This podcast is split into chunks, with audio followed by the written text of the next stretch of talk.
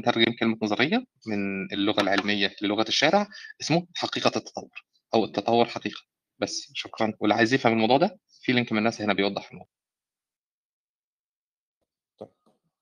شكرا جدا يا على مشاركتك آه دارك. اتفضل. هو أنا موجود آه ممكن أنا آسف يا أحمد؟ آه آه أنا آسف يا أحمد. أنا افتكرت إن أنت لسه عندك مشكلة. اتفضل يا أحمد. دورك. تمام صباح الخير أو مساء الخير على حسب توقيت كل واحد. هو أنا الحقيقة كنت طالع مخصوص بما إن لقيت كذا moderators من التنوريين موجودين دلوقتي يعني فكنت حابب بالاساس إن أنا كنت طالع أقول لهم حاجة مهمة بالنسبة لي. فبما إن موضوع ال room فممكن أقول كلمة فيه بعدها أقول الكلمة لل moderator يعني. اتفضل. آه، موضوع آه، موضوع ال room اللي هو المؤمنين صنفان يعني حد بيأيد التطور وحد ما بيأيدش التطور. هو مبدئيا أنا شخص لا دين يعني. ملحد ملحد ايجابي كمان فبالنسبه للدين اللي انت بتقول إيه ده إيه ده إيه ده ثانية واحدة لا لا لا إيه ده؟ استنى استنى استنى استنى لقيناه ال unicorn طلع موجود يا ميم مين ح- حضرتك بتقول انت بتصنف نفسك إيه؟ ملحد وايجابي آه حضرتك عندك اثبات لا ده اهم من موضوع ده- ال room على فكره لا، ده ده يعني. نزل نزل نزل نزل النت استنى استنى حضرتك لا، لا، اثبات ده- ان مفيش ثواني بس طب هوضح لك الأول هوضح لك بس آخر لا لا لا لا سيبك سيبك من موضوع التطور الموضوع التطور ده هري سيبك من موضوع التطور استنى استنى حضرتك. صنفت نفسك دلوقتي إن أنت إيجابي صح؟ تمام هقول لك يعني إيه إيجابي الأول ممكن أقول لك طب سيبه ياخد فرصته إيجابي دي معناها يعني آه،. طب طب اتفضل بالظبط بالظبط ما هو ممكن أنت ممكن تكون فاهم حاجة وأنا حاجة تانية و... فأنا لما أوضح فأنت تقول هل هو ده اللي أنت فاهمه ولا لأ أنا ب... بقول ملحد إيجابي إن هو مفيش. أي حاجة موجودة أي حاجة مش موجودة يعني كل شيء محتاج دليل فبمعنى إن أنت تقول لي في الوحش الاسباجيتي الطاير أو أي حاجة أو أي يعني أي حاجة في العالم إن أنت تقول لي إن الحاجة دي موجودة أنت أنا بالنسبة لي هي مش موجودة إلى أن. تجيب لي إثبات فمش معنى بقى إن سلبي أنا سلبي مش يا فندم حضرتك ملحد سلبي يا بس. فندم اللي أنت قلته ده ملحد سلبي أنت ما عندكش سلبي دليل على سلبي إن سلبي مفيش. الحاجة دي طب okay لا ما هو ما أنت ما ما زال تكلمنيش ما زال بقى. ال unicorn طب غائبا اسمعني بس مس. يا للاسف جماعة آه. أنتوا ليه بتقطع برضه؟ لا ما هو الفكرة برضه إن مستحيل إن أنت تقول لي اللي هو مثلا في أنا مؤمن بوحش الاسباجيتي الطاير فأنت تقول لي طب إثبت لي إن هو مش موجود. It doesn't make sense. يعني إيه التخلف ده؟ يعني حاجة مش موجودة. أنا بدعي إنها ماشي ماشي. كل اللي أنت بتقول بتقوله ده على راسنا من فوق يا أحمد بس ده ما اسموش الملحد الإيجابي. الملحد الإيجابي ده اللي هو يقدر كده يقوم جاي داخل المناظرة ويبتدي هو ال- ال- ال- المداخلة الأولى إنه بيقدم حجة على عدم وجود الله. اللي أنت بتقوله ده مش حجة على عدم وجود ما هو الله يا دي مان حجة على رفض الله. ثانية واحدة بس أنا معاك افهم لك أنا الفرق معاك والله لا واضح النقطه واضح النقطه طب كمل طيب يبقى خلاص خلينا نرجع لموضوع الغرفة بقى طالما إن هي واضحة يبقى خلينا نرجع لموضوع واضح أصل ما أنا بقول لك أنت كلمة الله دي كلمة ملهاش معنى أنت يا الله أستاذي يا أستاذي بس بعد كده أقول لك هو موجود ولا لأ. ما تصنفش نفسك إيجابي عشان إيجابي الناس هتقول لك طب اتفضل هات الحجة اللي عندك على إن ما فيش. كلمة إيجابي معناها إن أنت اللي عندك حلو الدليل دي حلو مش حجة اللي إيه أنت كل ده الدليل الادله المقدمه كل اللي أنت بتقوله ده ادله مقدمه الدليل أصبح عليك. تمام؟ فما تصنفش نفسك إيجابي. أنت تصنيفك سلبي. أنت بترفض الأدلة. شايف إن الأدلة الموجوده قدامك مش أدلة. وبتقدر تفندها الإيجابي هو اللي عنده دليل إن ما فيش ما هو ما فيش على إيه؟ ما هو أنا ستيل برضو يا كل جماعة ده أنتوا بيقع في كلمة الله. يا سيدي يعني إيه هي التصنيف كده ما- مش هنتخانق على هو هي شرحه كده هو تعريفه كده هو نازل من بيتهم كده. خليني أقول له مثلا مثل لو أنت ملحد إيجابي هتقول لي إذا كان الكون مصنوع من المادة كذا أو الكون أصله كذا فبالتالي إحنا نقدر نقول إن نشأة الكون حصل فيها كذا ونشأة هذا الكون لا يمكن بالدليل واحد اتنين تلاتة إن يكون فيها شيء معقد ومركب زي الله. فبالتالي مفيش الله أو مفيش خالق أو مفيش سبب أول. مفيش الكلام ده يا جماعة. بدليل أنت قدمت حجة بناء منطقي مقدمة ألف مقدمة ب مقدمة ج اذا مفيش خالق أو صانع للكون. كده أنت بقيت ملحد إيجابي. اللي أنت بتقوله ده أنت عندك ناس جاية بتدعي وأنت بتقول لهم يا جماعة اللي أنتوا بتقولوه ده كلام فارغ. ده اسمه ملحد سلبي. وصلت الف...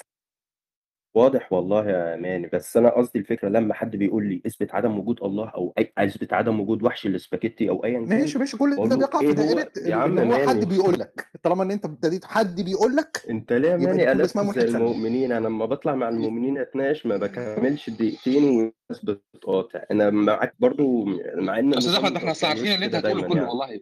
المفروض إن إحنا بنفترض فيك الذكاء وأنت بتفترض فينا الذكاء فأنت مش محتاج تتكلم لحد الآخر عشان إحنا نفهم اللي أنت عايز تقوله. فإحنا خلاص يا جماعة أنا آسف مش مش والنفس هتتطرق للموضوع ده خالص. خلاص يا خلاص يا يا أستاذ أحمد يا أستاذ أحمد إيجابي معناها عندك دليل. إن أنت عندك عبء الدليل. بس ببساطة شديدة. ما تحاولش تعيد تفسيرها بحيث إن أنت تقول أنا مش فاهم هو هو كلمة سلبي دي وحشة بالنسبة لك؟ يعني بتشوِّك مثلًا أو حاجة؟ أنت متضايق مضايقاك في حاجة؟ فأنت عايز تغيّرها لس ما هي هي كده، هي تعريفها كده، هي اسمها كده. يا ميم، يا ميم، أ أنا مش مقتنع بكلامك وstill هاخده خلاص، أنت أصلًا ما سمعتش كلامي مش مش تقول حضر مقتنع هو ده تعريف يا أنت أستاذ ما فيهوش مقتنع، ده تعريف، ده تعريف، التعريفات فيش اقتناعات، حتى اكتبها بالإنجليزي. اكتبها positive. شوفها شوفها مكتوبة إزاي بالإنجليزي. الnegative والpositive. شوفها مكتوبة إزاي وشوف التعريف، الإيجابي هو اللي عنده دليل إن ما فيش. خلاص. الموضوع ده إحنا مش جايبينه من كيسنا يعني. خلاص أوكي، هو عامةً طالما اتفضل اتكلم من غير من غير مقاطعة بقى في الموضوع اتفضل. ده يا آه، سيدي أنا اتكلم من غير أنا مقاطعة، اتكلم بقى في موضوع الروم من غير مقاطعة. حلو تمام. آآ هو أنا كنت باتكلم في موضوع الروم الأول لمّا كنت عندي مقولة للإمام علي بن أبي طالب اللي بيقول لك: "الدين أو القرآن هو حقًا وصدقًا كلام الله بين دفتين، لا ينطق ولا يتكلم وإنما يتكلم به الرجال تبعًا لأهوائهم ومصالحهم." إلى آخره. فلو جيت تبُص للمقولة دي آآ مبدئيًا ممكن تبُص من ناحية صح النقل بقى هل هي صحيحة أو لأ، فأنا عندي أدلة إنها صحيحة، بس بغض النظر تعالَ شوف هل هو كلام منطقي والّا لأ. هو فعليًا هو القرآن هي هو عبارة عن كلام على ورق، فالكلام ده أن أنت الشخص اللي بيفهمه، فأنت ما ينفعش تيجي بفهم معيّن تقول لي هو ده الفهم الصح. لأ يا عم، أنت ممكن يكون هو منطقيًا آه، بس واحد تاني يقول لك لأ، أنا أنا مش فاهم كده وشايف كده. فهي دي اللي بتختلف يعني، يعني أنا مقتنع مليار في المِيّة إن مثلًا الدين داعش هي التفسير الصحيح للدين، دي وجهة نظري تمام، فأنت بقى بالنسبة للتطوّر أنت مثلًا ناس مثلًا بيكون واحد عنده عقليته متفتّحة شوية وبيؤمن بالعلم وكده، وبرضه مش عايز يخسر الإيمان، مش عايز يخسر النف الروحيات والكلام ده، فبيحاول يعمل mix ما بينهم هُم الاتنين برضه عن طريق التأويل، اللي هو الدين حمّال أوي.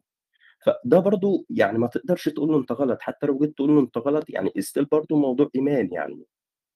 هو برضه مش عايز يخسر الإيمان، وبرضه الناس التانية اللي هي بتاخد بالنص، فباشوف إن إن صعب تجزم إن إيه صح وإيه غلط يعني في منطق في م في نقطة الدين. منها بقى دي الحتّة اللي كنت عايز أوجّهها للmoderator يعني.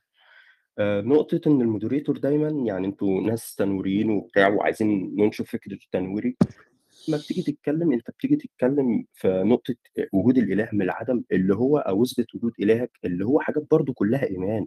يعني أنت لو أثبتت لي مليار في المِيّة إن هو مش موجود still أنا مؤمن إن هو موجود، لإن ده ش ده حاجة إيمانية.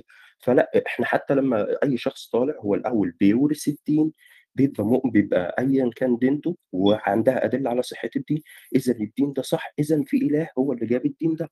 فأنت عشان بقى تبني قاعدة تنويرية وت وتأثّر فعلًا، لأ، أنت ممكن إثبت لي صحة دينك، تعالَ لي أنت عندك دينك عليه أدلة كذا، كذا، كذا، كذا، تعالَ نتكلم في الأدلة الكتير دي بقى. الح الح الحاجات التانية دي صعب، فأنا كده أنا آسف لو كنت طوّلت، فأنا خلّصت مداخلتي برضه، وعايز أعرف رأي الmoderator هل أنهو أك طريقة فعّالة أكتر يعني؟ أنت وكأنك كنت قاعد مع ماكس بالضبط. آه والله. دي منهجية صديقنا ماكس، وهو شغال في سلسلة دلوقتي اثبت صحة دينك، فيعني ما فيش أي مشكلة يا أحمد، وهي مدارس، كل واحد بيستخدم طريقة وأسلوب في النقاش بتاعه أو في توصيل أفكاره، فما فيش ما يمنع. ماجدة عندِك حاجة عايزة تقوليها؟ آه، عندي عندي سؤال وعندي كمان كلام بدي أقوله، لإنه في برمجة يعني مثل اللي اللي آآ عم بيحاول ينوّر بطريقة أو بأخرى، كل شا كل واحد شايف طريقة، نفس الشي موجود ب بالمفهوم اللي كاتبينه فوق أو العنوان، اللي هو نظرية التطور، واحد رافض totally والتاني إنه مصدّقها بس عم بيحاول يأوّل، والتالت صدّقها و واستغنى عن الدين، والرابع يعني بس أنا مش مش فاهمة، في ناس بيكونوا بنفس البيت بيتربوا بنفس الطريقة، بيعيشوا بنفس الlifestyle بيروحوا لنفس المدارس، يعني قصدي البرمجة ال برمجة الطفولة والبرمجة العلمية بتكون تقريبًا موحّدة، بس ليش واحد فيهم بيكون مثلًا إنه آآ أنا مثلًا هاقول لك بصراحة، أنا مثلًا عندي أختي الكبيرة هي biologist آآ professor ب آآ علم التشريح، وعندها مكانة علمية كبيرة، آآ بس المشكلة إنه هي مثل ما مثل الصنف الأول اللي ذكره حسن لمّا كان معنا من شوي، آآ بتدخل على المختبر بتنسى موضوع الدين، بس هي متدينة جدًا، جدًا، جدًا، يعني تم على طول تسبيحات وهيك، وكل شي بتعملوه بسُنن وفرائض وكل شي. آآ طيب لمّا بتحكي معاها بهالموضوع بتقول لك ف لازم الفصل بينهم.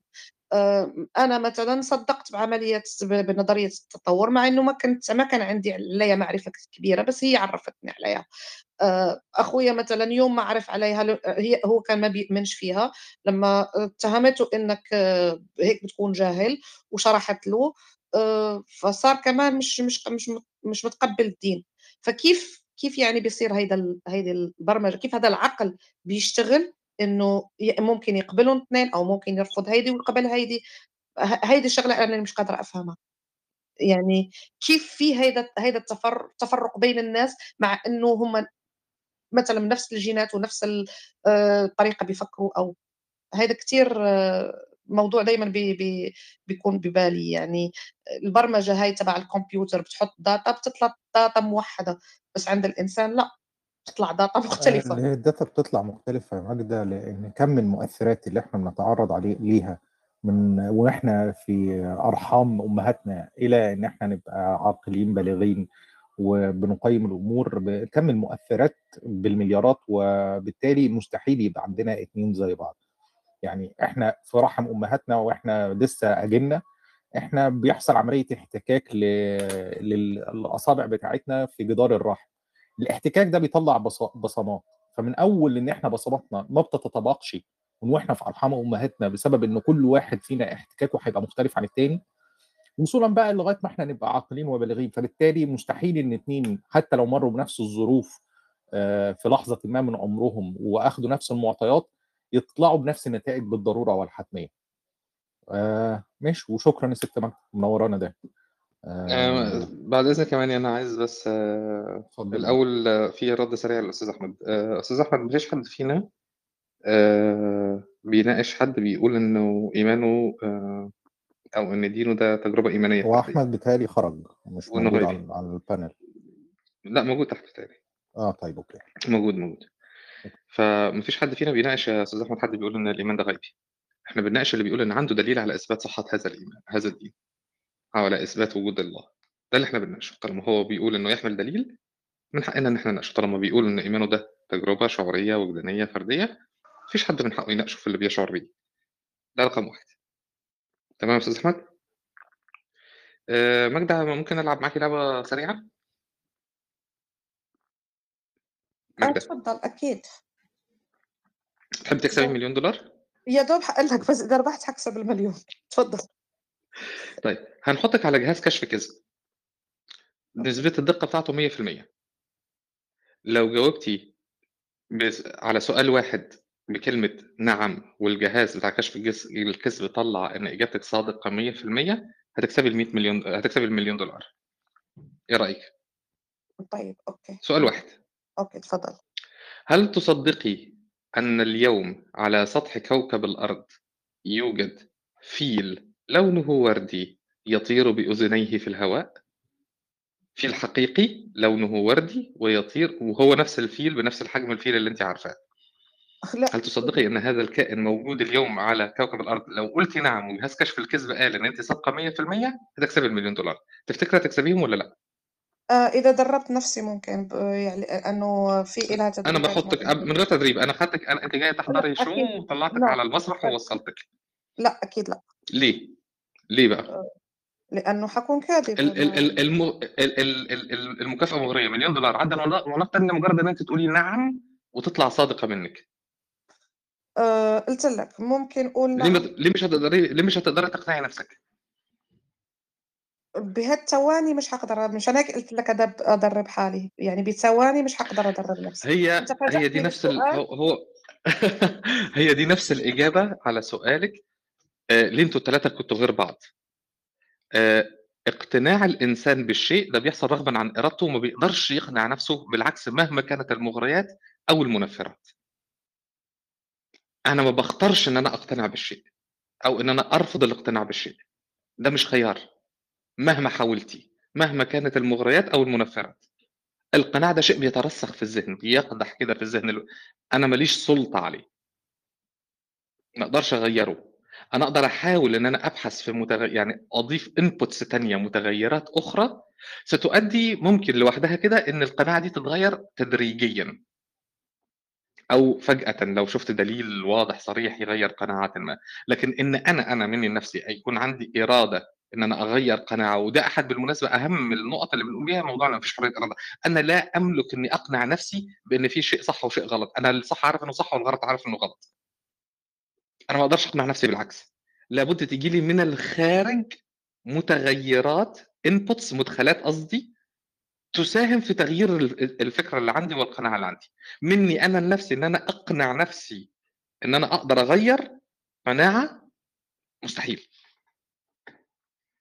أتمنى أكون جاوبتك إمم، ممكن، فهمت شوي. إمم، ممكن. آه، ممتاز. حابحث فيها أكتر. بس أعطيتني hints. إمم.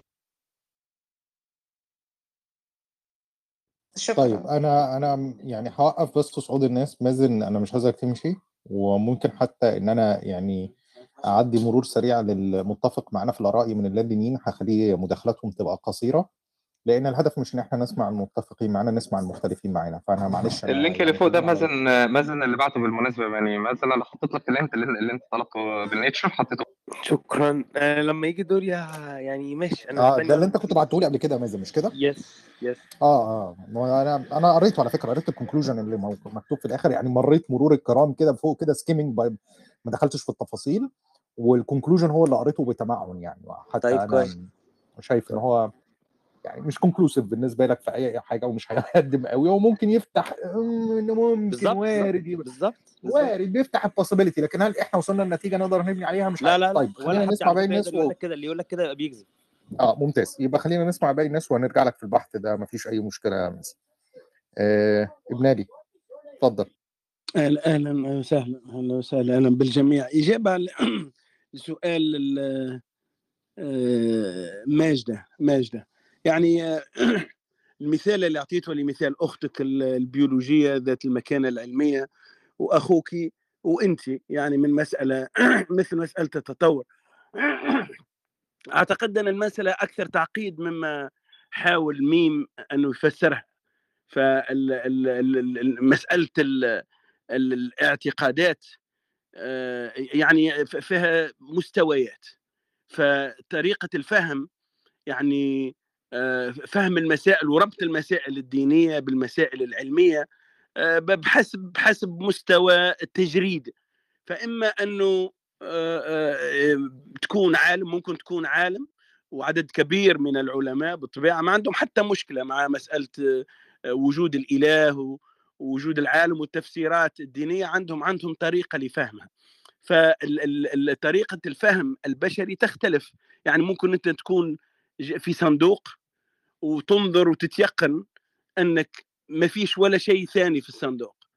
يعني لمّا تفتح الصندوق تجد نفسك في غرفة، فوجودك في الغرفة غيّر لك كل اعتقاداتك اللي كانت أنت م أنت أنت تعتقديها وأنتِ في الصندوق الصغير. فالمسألة هي ي يعني تستغربي مثلًا ليش أختك تتحدث على على كنبية وتتحدث على أشياء في الغرفة وتتحدث على التلفزيون وأنتِ ل لم ترى شيئًا في الصندوق اللي فيه أنتِ. وتستغربي كيف ي يعني أو أو بعض الناس كيف يحكيوا على أشياء أنا لا أراها. وهي المسألة الكل مسألة الصندوق اللي أنت حشرت نفسك فيه. والصندوق اللي تحشر فيه نفسك طبعًا أنك أنك تتبعي منهج آآ يعني آآ معيّن يخلّيك يعني مثلًا لمّا تخرج من الصندوق تجد أنه فما غرفة، وفما اللي يخرج من الغرفة يجد نفسه في بيت كبير، وفما اللي يخرج من من البيت الكبير يجد نفسه في حي إلى غير ذلك. هي مسألة كلها مسألة مستويات ثانية. فما أراه أنا آآ حقيقة آآ هو بالنسبة لي أنا، بالنسبة لل للصندوق اللي أنا وضعت نفسي فيه إلى غير ذلك. فهذا من ناحية المنهجية. فأنه إنسان يشوف أشياء أنتِ ما تشوفيهاش، هذا لا يعني عدم وجودها أصلًا. نرجع لنظرية التطور، أنا أنا أعتقد أنه نظرية التطور هي أصلًا ل ليست ليست جديدة. فكان عندنا آآ فيلسوف مسلم اسمه ابن مسكويه 1000 سنة. كتب كتبه أكثر من واحد، كتب كتاب آآ معناها في لتفسير ظهور الأنواع وظهور الكائنات. وبدأ يفسر بالطبيعة ظهور ال ال الجماد ثم النبات ثم الحيوان، تفسير بسيط ولكنه تفسير بالنسبة لل للعقل هو الفهم هو ما استعملش تفسيرات علمية لكنه استمدها من آية في القرآن اللي هي تقول قل سيروا في الأرض الأرض فانظروا كيف بدأ الخلق. يعني امشي في العالم انظر للحفريات انظر للسماوات انظر لأي شيء ستنظر كيف بدأ الخلق. فهما لم تكن عندهم مشكلة في تفسير بداية الخلق يعتبروه هذا أمر ديني لأن الآية واضحة قل سيروا في الأرض فانظروا كيف بدأ ونظر الآيات موجودة في القرآن تتحدث عن خلقكم أطوارا يعني لم تكن عنده أي مشكلة مع نظرية التطور مع أنه إنسان معناه مؤمن وراها بالعكس أن أن هي مستمدة من عقيدته. فالمسألة ليست جديدة مرتبطة باكتشافات جديدة وإنما كانت موجودة وكان حي بن يقظان يعني القصة نفسها تفسر تطور العالم. فنظرية التطور نفسها بالمفهوم هذا كانت فما نظريتين نظرية الخلق المباشر اللي أساسا المسيحيين هم يفسروا بها العالم. أنه النظر ونظرية الخلق الأطوار اللي هي النظرية القرآنية الواضحة. وكان تقديمها فقط يعني يعني نحب نقول أنه أول نقطة الأولى نلخص أنه أنه تكون عالم وتكون مؤمن ليس هناك معناها تعارض بالنسبة لعدد كبير من العلماء بما فيهم أينشتاين بما فيهم غيرهم. يعني فالمسألة ليست غريبة أنت استغربتي لكن ليس هناك أي غرابة في الأمر. الحاجة الثانية أنه لما نحكي عن نظرية التطور يعني ليس تحت ضغط الاكتشافات الجديدة وإنما يعني كانت الفكرة موجودة بالنسبة لبعض العقول والمفكرين من ألف سنة مسلمين وكانوا يعتقدوا يعتقدوا أن انه الدين هو هو ال ال ال ال ال يعني ال منبع التصور بالنسبة لهم هم. وكل واحد بالطبيعه يحاول يفهم كما كما يشاء. شكرا. طيب مشكور جدا ابن آه مازن كمان أنا تواصلت مع دكتورة عليا عليا قوام وهي أنا ما أعرفش أنت عارفها ولا لأ بس هي معاها دكتوراه في ال molecular biology. و... وقالت لي إن هي بس دلوقتي بره وأول ما توصل البيت هتفتح الورقة وتبص عليها وممكن كمان تناقشك فيها. فأعتقد إن هي هتكون أكتر مني بكتير بحكم التخصص في إن هي تناقشك في فيما تحتويه الورقة يعني. يا ريت يا ريت. طيب ماشي. خلينا نستناها ماشي مش مشكلة. طيب ممتاز. آه، أستاذة شيرين. هاي إزيكم؟ أهلا وسهلا. منورانا أنا سمعت الحوارات اللي بتقولوها. أنا بيعجبني الكلام ده يعني بحس إن في ناس بتفكر أخيرا يعني. أه أنا عمري ما صنفت نفسي حد ملحد أو غير ملحد لأن الملحد بيبقى عنده حاجة وخرج براها فأنا ما كنتش جوه عشان أخرج. فعمري ما صنفت نفسي حد ملحد لأن أصلا ما كانش ده موجود في ذهني عمري يعني. مع إن أنا من أسرة مسلمة بس عارف ساعات يبقى ده مش ضمن تفكيرك أصلا يعني. أنا سمعت حد بيقول على نفسه ملحد سلبي ملحد إيجابي وحد قال له لو أنت ملحد إيجابي هتقول هتثبت لنا إزاي مش موجود إله صح؟ أنا فهمت صح؟ مظبوط ده الفرق آه متهيألي اللي يثبت إن ما فيش إله لأن لو كان في إله آه في معتقدي أنا بما إن أنا عمري ما آمنت بوجود آه قوة عظمى خلقت الحاجات لأن أنا مؤمنة بالتطور جدا وشايفة إن ده موجود قدامنا واللي مش شايفه وبينكره ده يعني عايز. عايز ينكره عشان لازم. يولف بين الغيبيات اللي هو مؤمن بيها وبين الحياة فالحاجة الوحيدة إنه ينكرها أصلا فعدم وجود إله لأن لو كان موجود إله أصلا ما كناش هنحس بالأحاسيس دي لأن فعلا الإيمان ده شيء بد... يعني شيء فطري يعني لو كان موجود هذا الإله كنا كلنا من غير ما نقصد ولا نعرف كنا آمنا بيه كنا كنا كلنا عندنا هذه المشاعر زي مشاعرنا تجاه الأب والأم. كلنا كنا هنروح لهذا السياق. ما كانش هيبقى فيه منا متطرفين مش حاسين بوجوده أصلا. يعني كانت هتبقى هي دي مصدر الطاقة. شيرين بالأحاسيس. يعني إحنا بنتكلم على أدلة ما ينفعش إن إحنا نعتمد فيها على ما ده بدأ بدأنا بقى ندخل في الأدلة والدين إيه والكلام ده. ده دليل على إن مش موجود. ما دام إحنا بندور على أدلة يبقى إحنا بندور على حاجة بنسبه حاجة مش موجودة. عشان كده إحنا بقالنا من من أول ما بدأنا نوثق الحاجات بالورقة والقلم كلها اجتهادات من بشر انهم بيدوروا. وبعدين انت عارف أنا بالنسبة لي الإله هو إيه؟ هو غريزة الخوف. لما الغريزة دي تقف لما البشر يبطلوا يخافوا خالص الغريزة يعني نقوم الصبح نلاقي غريزه الخوف انتهت من على الأرض مش هنلاقي إله. يعني الإله موجود هو الخوف. الإله هو الخوف. يعني أكثر الناس تدي- تدينا هم الناس الأكثر جبنا على الأرض. وساعات يستخدموا الدين آه، كضمانة إنهم يذبحوا الناس عشان يهربوا من خوفهم. فالخوف غريزة الخوف هو ده الإله بتاعنا. كل ال ال كل الآلهة اللي اتوجدت بتطمنا إن إحنا لما نموت هنروح الجنة. فكلنا بنتشبث بهذا الإله لأن إحنا خايفين من اللي بعد كده. فاهم؟ وكمان بيدينا قوة إن إحنا نخوف الباقيين. يعني أنا لما أكون أنا صوت الإله وأنا اللي بتكلم باسم الإله فأنا هخوف الباقيين. فلما نقوم الصبح ونلاقي كلنا كده جيناتنا انتهى منها الخوف والبشر ما بقوش يخافوا مش هتلاقي الإله هتلاقي تبخر هتلاقي فكرة الإله مش موجودة أصلا على الأرض. فعشان كده هنثبت إيه؟ طب إحنا أنت تقدر تمنع الخوف؟ تقدر تقوم الناس الصبح يبقوا كلهم ما عندهمش الإحساس ده بتاع الخوف؟ لأ. يبقى عمرك ما هتقدر تبعد فكرة الإله لأن الإله هي الوسيلة الوحيدة اللي هتطمنا لما نموت هنروح فين. إحنا أنا خايف لما أموت هروح فين. يقول لك لا في إله هيقول لك أنت هيدخلك الجنة كل واحد بقى وجنته. يعني من أول بقى الفراعنة لحد دلوقتي كل واحد دي الجنه بتاعته. فالإله هو غريزة الخوف جوه البشر اللي طمنته. وطمنته على أحبابه وطمنته على أولاده وطمنته في إنه يكمل واديته هو ده.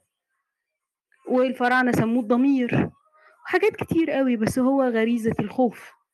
بس نرجع للتطور. طبعا التطور ده حاجة يعني حقيقية جدا جدا جدا. ولا شوف شوف القرود في أفريقيا شكلها إيه وشوف القرود في في المكسيك وفي ألاسكا شكلها إيه. هتعرف إن التطور حقيقة. شوف شوف دول شكلهم إيه؟ القرد. شكله إيه هناك وشكله إيه هنا. تطور على حسب البيئة والمناخ وطريقة الأكل وطريقة ال- التدفئة. ده بقى شكله إيه؟ ده بقى شكله إيه؟ فالتطور ده إحنا. بنحسه كل يوم يعني. تمام. بس كده. شكرا. طيب مشكورة جدا ماني. ماني ضرب لي أنا. عايز أشكر شيرين جدا على فكرة الإله وغريزه الخوف. آه، شكرا يا شيرين. الطرح ده عجبني جدا. آه، بس ردا على سؤالك هو لما بنقول الملحد الإيجابي اللي هو يملك الدليل على عدم وجود إله ما بنتكلمش عن إله الأديان الإبراهيمية. الملحد الإيجابي ده الذي يملك دليل على عدم وجود سبب أول أصلا. حتى لو كان السبب الأول ده طاقة. آه، حتى لو السبب الأول ده كان انتهى بإنشاء الكون. آه، ف يعني هو الملحد الإيجابي دوت القصة كبيرة وزي ما ماني صرخ فتح المايك وصرخ قال وجدنا ال unicorn. هو على الورق إحنا عارفين إن التصنيف ده موجود لكن في الحقيقة وأنا وأنا بدخل آه، غرف لا دينيين وملحدين أجانب من كل الجنسيات وبسأل عن الموضوع ده وكلهم بيأكدوا لي نفس اللي أنا عارفه. عارفين إن التصنيف موجود. عمرنا ما سمعنا عن شخص حقيقي كده. ما نعرف ما ما مش مش ما يعرفوش واحد لا ما سمعوش عن واحد. أنا يعني أنا حتى دورت في في, في كل حتة بكل الوسائل اللي ممكن أدور بيها في السيرش إن ألاقي حد اللي هو اسمه الملحد الإيجابي الذي يملك دليل على آه، عدم وجود سبب أول أصلا. ده ما فيش. يعني ده مش موجود. ما حدش فينا لقاه أريد أخرج عندي عمل والله. ممكن أقول كلمتي؟ آه، طب وحضرتك هتقول كلمتك وإحنا مش مش المفروض نناقشك؟ يعني حضرتك كلمتك إن أنت جاي تلقيها علينا وتمشي. وإحنا مش المفروض نتناقش مع حضرتك فيها مثلا. الجو كله لك أنت موديتر أخي آه، ما هو كوني بدير الحوار ده معناه إن حضرتك لما تلقي كلمة المفروض إن أنت تستمع وتتناقش. عفوا أنا عبرتني يعني عبرت اثنين وراي يعني دوري راح ليش أنا ما طيب يا سيدي اتفضل يا أستاذ ولا يهم اتفضل يا أستاذ. نعم نعم نعم نعم. آه، السلام عليكم تحياتي لجميع الأخوة. آه، أول بداية كلمتي هي أتعجب على الأخوة يقولون أنا ملحد لأني أؤمن بنظرية التطور ولا يعلمون بأن داروين هو مؤمن. أما نظريتي عن محدش فينا قال كده. إحنا لا لا الأخت قالت لا الأخت استوى قالت أستاذ إحنا قالت الإله هو نظ... هو غريزة الخوف. حضرتك سمعت منين هي قالت ال... الإله نظرية الخوف. شفت بقى اللي أنا كنت بقوله لك ما ينفعش تيجي تلقي كلامه من غير ما حد يناقشك فيه. الكلام اللي حضرتك قلته هي ما قالتهوش بتقول لك الإله هو نظريه الخوف. يختفي الإله يوم ما نختفي يوم ما نصحى بدون أي مشاعر خوف مش هيبقى في داعي للاله لا بس آه، أريد أعطي رأيي ب- رأيي كمسلم أنا أؤمن بنظرية التطور. آه، هذا رأيي الخاص لا عليه بالأخوة الباقين. نعم نظرية التطور آه، بالعكس هي حلت مشاكل كثيرة عند المسلمين منها تزاوج الأخوة. ومنها الإنسان القديم قبل آدم كيف وجدوه قبل مليونين ونصف سنة. هذه المشاكل كلها حلت وأنا أعتقد بأن النظرية هي مطابقة للقرآن الكريم للفهم الصحيح بالقرآن الكريم ولا إشكال بينها وبين نظرية التطور. قال الله سبحانه وتعالى إني إني خالق بشرا من طين الخلق هنا معناتها أن الله بدأ بالخلق. أما عندما بعث آدم عليه السلام قال إني جاعل وليس خالق. إني جاعل آه، خليفة في الأرض. فإذا نفخت فإذا سويته هنا يتضح التسوية أن الله سبحانه وتعالى سي سيجعل من هؤلاء البشر تسوية. تسوية يفتهمون تسوية آه، يتحول إلى إنسان الأنس بين المجموعات الإنسان. إذا سويته ونفخت فيه فقعوا له ساجدين. أصبح الإنسان الكامل عند عند نبي الله آدم. فنبي الله آدم النبي النبي آدم هو ليس آه، أبونا آدم اللي انخلق أول مرة. وآية واضحة أخرى تقول آه، كان الناس أمة يعني واحدة ندم فبعث الله آدم أول أول البشر ولا مش أول البشر بس؟ عشان أنا مش فاهم دارك أنا تهت منك آه، آدم النبي ليس هو أو آدم أبو البشر. نعم إيمان. آه، آية ثانية توضح ذلك. كان الناس أمة واحدة فبعث الله النبيين. أي أن الناس عندما أصبحوا يدركون وعندما أصبحوا آه، يفهمون و- وكل طريقة الإدراك الله بعث من عندهم آه، نبي. فبعث الله النبيين هكذا تقول الآية. نعم أخي. هذه مداخلتي وأعتذر من عندكم أن طيب آه، أستاذ أستاذ دارك اولا هي اسمها خلق بفتح الخاء وليس بضمها فالخلق من لا بس لا بس لا بس على فكرة تمام ده اولا وال- والآية والآية إني جاعل في الأرض خليفة. بس نعم. ده وقف جاعل جاعل جاعل وليس خالق. نعم أحسنت. طيب ممكن شوي ملاحظة عزيزي ميم لأن الموضوع جذبني اتفضل بصراحة اتفضل يا دكتور. آه شكرا. أولا تحياتي لكم جميعا فردا فردا. لا أريد أن أعدد فكلكم قريب قريبون من قلبي تماما. هو بصراحة مداخلة الأخت قبل قليل تعتبر جانب إيجابي أيضا لإلقاء الضوء على فكرة آه، الإله يعني وتصوره لكن عمليا عندما نتناول قضية النفي يعني بالنسبة للملحد الملحد الإيجابي. فأنت تريد أن يكون في شيء يعني مثلا لا أستطيع أقول لك أريد أن أنفي وأتوقف. ما أخبرك عن أي شيء. فيجب أن أخبرك عن شيء.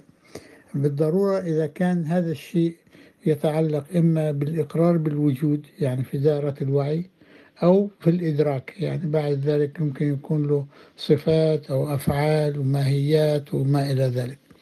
فأعتقد أنا بالنسبة لأي منهما يبدأ بأنه هذا الطرح الذي يمكن الإنسان الذي يؤمن فيه أن يطرحه هل ترى أنه ينطبق عليه القوانين المنطقية؟ أي هذا النسق الفكري. لا يوجد فيه تناقض ولا توجد فيه ثغرات ولا توجد فيه أخطاء. وطبعا ممكن بطريقة غير مباشرة معرفة ذلك من التوابع الناتجة عن العمل. ولذلك أنا بعتقد بالنسبة للأديان يستطيع أي شخص أن يرى فيها كثير من الأشياء التي تتناقض مع التفكير السليم والعقل والمنطق بحيث أنه في أشياء فيها يعني خارقة للطبيعة وأشياء كثيرة أيضا لا يقبلها العلم أو أصبحت قديمة وحتى تنظيمات اجتماعية مضى عليها الزمن وأكل وشرب عليها وأصبحت يعني في حكم اللاغي إذا معنى الحكي أنه من جهة التوابع أو النتائج المترتبة تستطيع الحكم على الفكرة أو على البذرة أو على النواة التي ولدت مثل هذا النظام. القضية ممكن تكون أصعب بالقول بالنسبة للإله الفلسفي أي بمعنى المرجعية. لكن المشكلة أيضا تحتاج إلى تحديد. فعندما يكون في تحديد للإله الفلسفي فواضح تماما في جميع الأحوال أنه يقول لأنه في شيء غير مادي. يعني في وعي في ذكاء مطلق في آه، ذات عليا إلهية اللي بدك إياها يعني. بس إنما في آه، شيء مهيمن ومسيطر وممكن تسميه مرات القوانين الطبيعية عند ما يؤمن بذلك يهيمن على المادة. المشكلة إنه آه، فكرة المطلق يعني الوعي المطلق هي فكرة ميتافيزيقية. أي يعني وراء الطبيعة. وهي شيء مخالف أو مغاير لما هو مادي يعني لما هو طبيعي. إذا معنى الحكي كيف لك أن تنفي بشكل طبيعي شيء مطروح أنه غير طبيعي إن كنت تعتقد بوجوده؟ القضية أيضا مرة ثانية أنت هنا في شيء اسمه برهان الخلف. أي بمعنى يجب عليك أن تستوضح من صاحب الفكرة على الأقل أشياء له صفات وأفعال أو على الأقل ككينونة يجب أن تعرف. لأنه لا يمكن أن ألقي كلمة مثلا دون أي تعريف. آه، بالتالي ممكن مرات ما يصير سؤال عن التعريف لأنك تعرفه من كثرة المناقشات أو قراءات فلسفية وبالتالي في تصور واضح بالنسبة لهذا الموضوع. فلذلك عندما تصيغ برهان الخلف يعني معناها آه، من للمستمعين بشبه. مثلا تقول وراء الجدار يوجد هناك آه، آه، حيوان يعوي. حيوان وهذا الحيوان لا كل حيوان آه، له صوت. فأنت ممكن ما ترى الحيوان لكن تختبر ترمي من الخلف حجر. إن لم تسمع شيء غير صوت الحجر فيظهر أن الحيوان غير موجود أو لا يتأثر بهذا الحجر. بعد ذلك يمكن أنك تقوم برضو باستجواب يعني الفكرة بطريقة الأسئلة يعني المنطقية والاختبارات الحسية. آه، ما دامت في نطاق الحس والتجربة. لكن إذا كانت غير ذلك فبالتالي لا تستطيع إلا من وجهة نظر منطقية. وجهة نظر منطقية تقول أنه إذا كان لا له صوت ولا يتأثر بأي حدث ولا يعني مهما حاولت بكل الوسائل لأنه هو خارج نطاق هذا المادة يعني هو ليس من طبيعتها. فبالتالي أنت لا تستطيع بهذا الشكل استخدام المادة وتستخدم القوانين المنطقية. طيب كيف يؤثر في المادة؟ هنا يجب أن تكون في علاقة. هذه العلاقة تسمى سببية. هذه السببية سنخية أي بمعنى في اتصال بين السبب والنتيجة وفي تشارك فيما بينهم وفي تعاقب زماني أو في يوجد في المكان. إن أردت أن تقر بذلك فهو بطل يكون ميتافيزيقي فيجب أن يكون مادي. إن أصممت على ذلك فأنت تتناقض مع القوانين الطبيعية. ولذلك الفكرة في نهاية المطاف إذا استخدمت بجميع النواحي وأنا لا أريد أن أطيل أكثر فأكثر لكن على الأقل بستطيع القول بأنه في الوعي المطلق هو عبارة عن صيرورة. لأنه إذا إحنا اعتبرنا وعي الإنسان ووعي الحيوان وأي وعي وحاولنا نجد ما هو المشترك بين هذا وسميناه الوعي ودفعناه لأقصى درجة من التطرف العلوي يعني في يعني في التجريد فسوف يكون وعي مطلق. فلذلك هذا الوعي المطلق آه، لا يمكن أن يكون إلا محمول لأنك إذا أنت أخذته ككلية آه، هو الكليات لا تحمل على شيء آخر ولكن بالأساس الابتداء ولم يكن موضوع وإنما كان محمول. فبالتالي المحمول لا يمكن أن يكون أساس بأي شكل من الأشكال فبالتالي هذا يبطل الفرضية الأساسية التي ينطلق منها صاحب الفكر المثالي بمعنى المثالي للموضوع يعني. هناك أسبقية منطقية للوعي على المادة.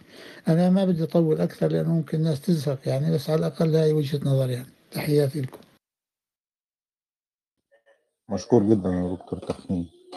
آه سريعا كده ممكن أقول حاجة؟ طب اتفضل هو أنا بس عايز اشكر شيرين على الفكرة اللي هي طرحتها يعني إن كتير من الأديان أو فكرة الإيمان مبنية على خوف الإنسان من المجهول أو الظواهر الطبيعية أو سعيه في رحلة الخلود.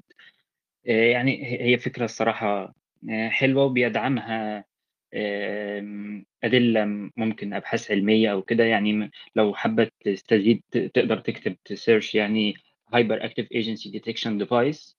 يعني جزء من الدماغ مبني على على فكرة الشعور بوجود agent واعي بيراقب آه، والفكرة ديت آه، طبعا انت بتقولي مصدقة التطور وكده وأنا برضو آه، مؤمن أو مش مؤمن التطور نظرية مثبتة. فالناس اللي كان عندهم ال device ده أو ال agent detection bias هم الناس اللي اللي عندهم قدرة أكتر على البقاء فب بالاصطفاء الطبيعي هم الناس اللي بقوا موجودين دلوقتي وإحنا أحفادهم. ففكرة وجود ذات وبيقولوا عليها agent detection bias فاه هي فعلا كتير جدا آه، من الأديان أو الإيمان مبني على فكرة ال- الخوف من من المجهول أو من القوى وسعي الإنسان نحو الخلود. يعني فأنا كنت عايز أشكرك بس أنت صيغتيها بطريقة طريقة حلوة يعني. فأنا كنت طالع أشكرك. آه، كنت عايز أقول حاجة تانية. الميم بيقول بيدور على ال unicorn. آه، أنا عايز أقول لك إن أنا عارف ال unicorn اللي أنت بتدور عليه اللي هو الملحد الإيجابي وهو أنت مين بصراحة من وجهة نظري أنا شايفك ملحد إيجابي لأنك من شوية وقلت دليل. قلت ال... الاقتناع دي فكرة بتنقدح في ذهنك ما تقدرش تتحكم في قناعاتك. أنت ما تقدرش دلوقتي تصدّق بوجود فيل pink بي بيرفرف بديله، ما ما هو الإيمان هو فكرة الاقتناع، ال هو الإيمان هو الاقتناع، فأنت دلوقتي لو الاقتناع ده شيء مش إرادي، خلاص أنت كده ضربت مفهوم الإيمان في ذاته، أنت ما أنت دلوقتي أنت ملحد إيجابي يا ميم أبشّرك يعني، فما تدوّرش عليه كتير لإن أنت بتدوّر على نَفْسك حرفيًا. في برضه ح حُجة تانية ممكن تقولها يعني آمم أي شيء، أي جملة، أي حاجة ما لهاش مصداق خارجي، ما لهاش مفهوم ذهني موجود يعني مفهو أي مفهوم ذهني أو كلام موجود بت بنقوله بلساننا ما لهوش مصداق في الخارج، فهي م جملة خاوية من المعنى، جملة ليست لها قيمة، أمّا إحنا نقول مجرّد مجرّدات كده شبه الوجود الكلّي، المطلقات، ال العدم، الجوهر، الفرد، الجزء الذي يتجزأ، كل ديّة آآ كلمات خاوية من المعنى، العرض البعيد عن الجوهر والجوهر اللي ما لهوش عرض والكلام ده كلّه هو ده الاستشهادات على اللي بيقولها ال اللي بيستشهدوا على وجود إله، في ناس بتستخدم الطرق دي، وكلّها كلمات لو جيت تتأمّل فيها كده كلمات ليست لها أي معنى. آآ لو ف فأنت أمّا أمّا تشوف إن الاستدلال على وجوده بييجي بكلام خاوي من المعنى، هنا أصبح الكلام ما ينفعش تقول عليه غلط أو صح، لإن الكلام الخاوي من المعنى لا تقدر تس آآ تقول عليه صح ولا غلط، زي ما أقول لك مثلًا لون أبيض وزنه 4 كيلو، هنا ما تقدرش تقول لواحد كلامك غلط، لأ أنت هتقول له كلامك آآ ما لهوش معنى أصلًا. فالاستشهادات على وجود الإله ب بالشكل ال ال الجوهر، الفرد والوجود الكلّي والكلام ده، كلام ليس له أي مصداق في الخارج، ممكن نتكلّم بيه أنا وأنت كده وإحنا قاعدين على مصطبة، على قهوة بنشرب كوبايتين شاي، لكن في الآخر هو مجرّد كلام ذهني. فدي برضه ممكن حُجة تانية تستخدمها بإنّك ملحد إيجابي، فأنا اديتك واحدة إيجابي أنت كمان أهو يعني، وشكرًا وآسف لو طولت.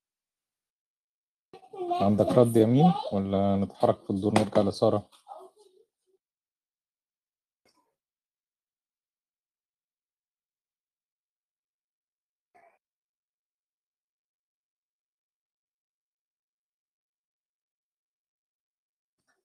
طيب اتفضلي يا سارة لو عندِك مداخلة. آه، مساء الخير عليكم كلّكم. آآ أنا كنت الاتنين في فترة من الفترات من بتاع 15 سَنة مثلًا.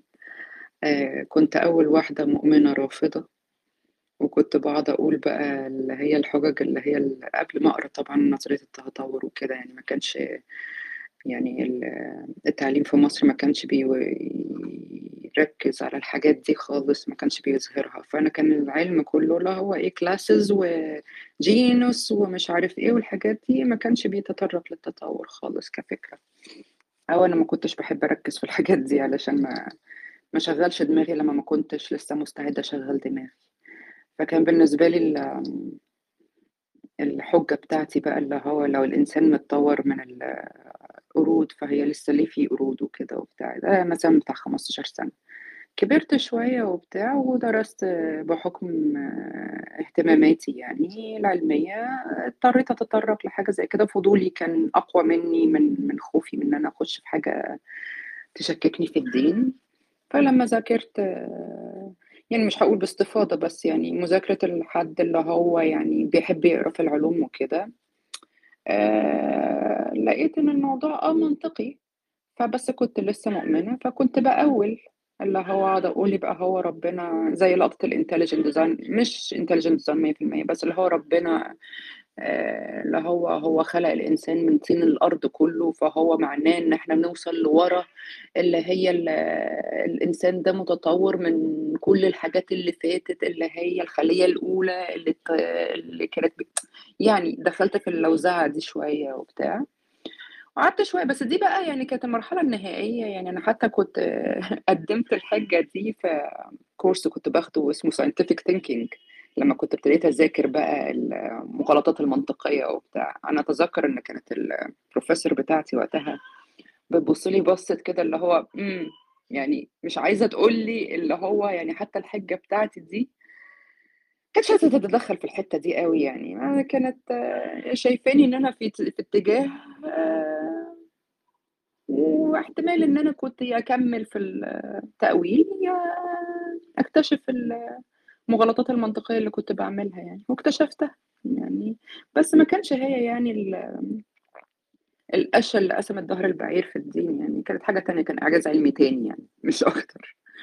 بس فهي أنا مش حابة بس أخوّف حد يعني إن هو ما في الأول لو أنت رفضت وبعدين قوّلت مش لازم تبقى زيي يعني. هو أنا مش وحشة بس يعني أنا بالنسبة لناس كتيرة ممكن أكون العفريتة ال العلبة يعني إن إحنا إن أنا لا دينية دلوقتي وبتاع. بس يعني في ناس مكملة على الخطوة اللي أنا اللي فاتت وفي ناس مخطوة الخطوة اللي قبلها. بس هي الفكرة كلها إن هي process وكل واحد بيعدي بيها. بس ممكن يعني حتى لما ماجدة كانت بتتكلم بتستغرب قوي إن أختها مؤمنة وبتاع. آه لا يعني they exist. أنا كنت منهم كنت من الصنفين يعني. بس مش حابة أطول عليكم أكتر من كده. ميرسي. شكرا جدا يا سارة. طيب آه، معلش حاجة سريعة تاني معلش أنا آسف. اتفضل يا عمرو. هو مين في آه، المكتب فممكن ما يبقاش قادر يرد عليك أيوه. ما هو مين بي... ماشي. هو مين بيكتب لي فعلا مش هيعرف يتكلم دلوقتي بس عموما آه، زي ما قلت الكلمات المجردات الكلية دي كلمات خاوية من المعنى ملهاش أي مصداق خارجي فبالتالي هي لا تقدم ولا تؤخر. آه، بس إحنا كمؤمنين ك- كشخص مسلم بس- بستدل بإيه أو بقول إيه؟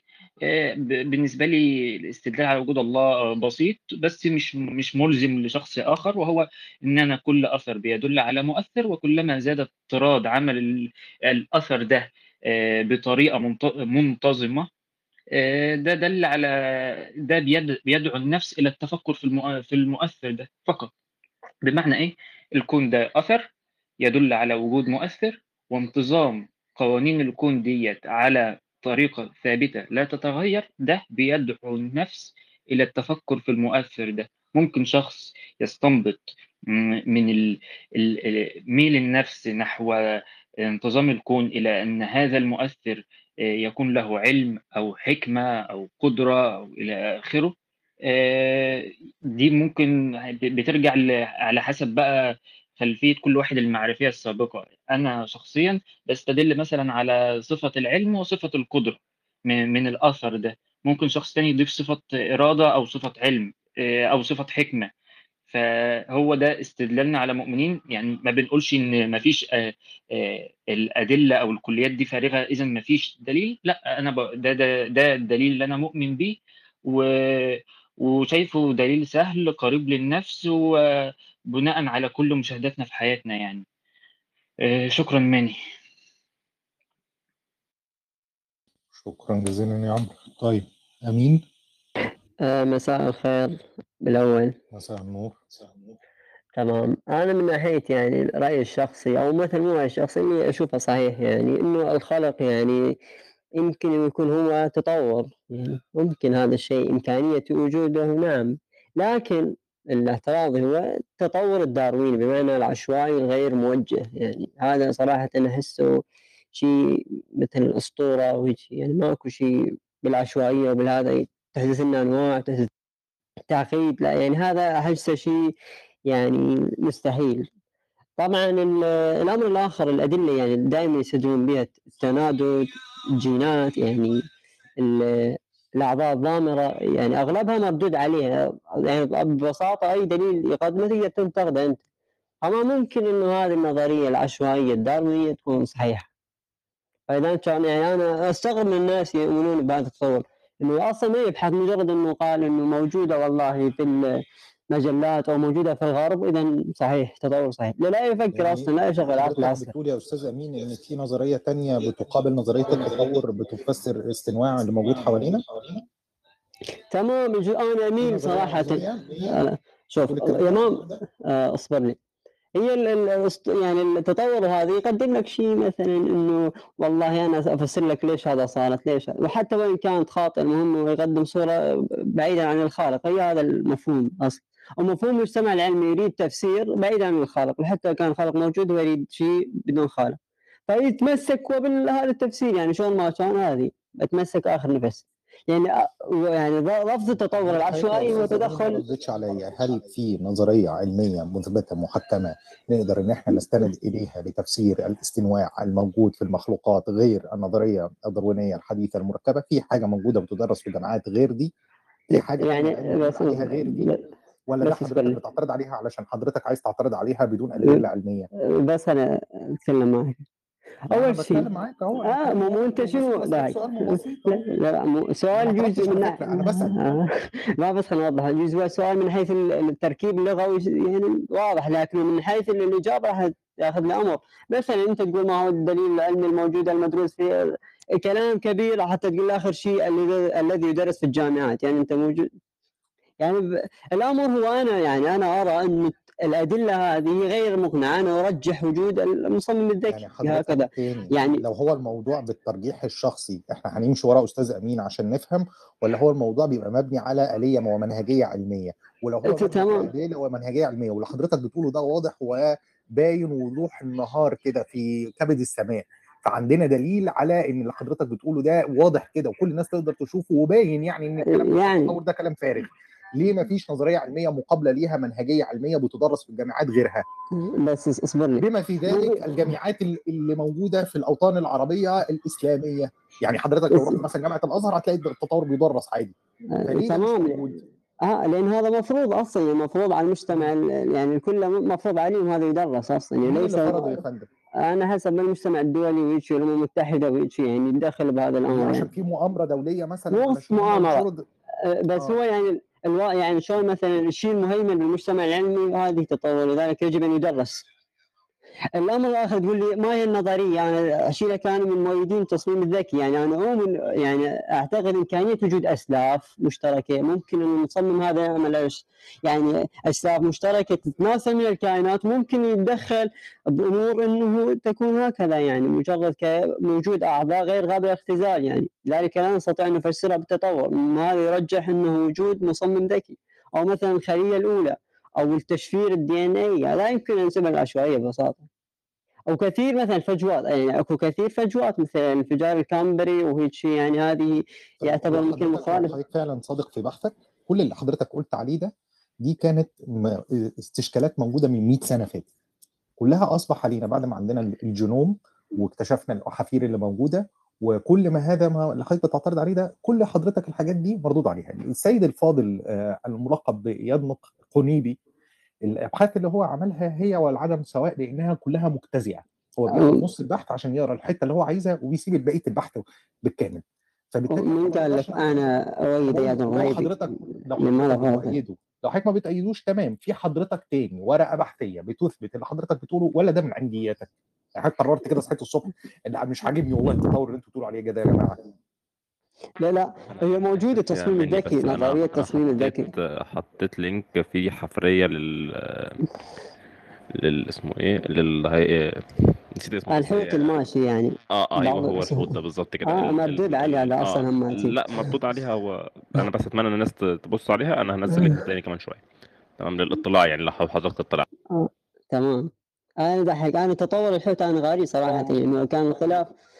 كان خلاف بأفصل الحيتان هل هو من ذوات الاحافير اللي يعني يعني مثلا أشياء أو حيوان كان شبيه بالغزال وهيك شيء أو مثلا من الخنزير البحر وهيك شيء فكان أكو خلاف هذا الشيء.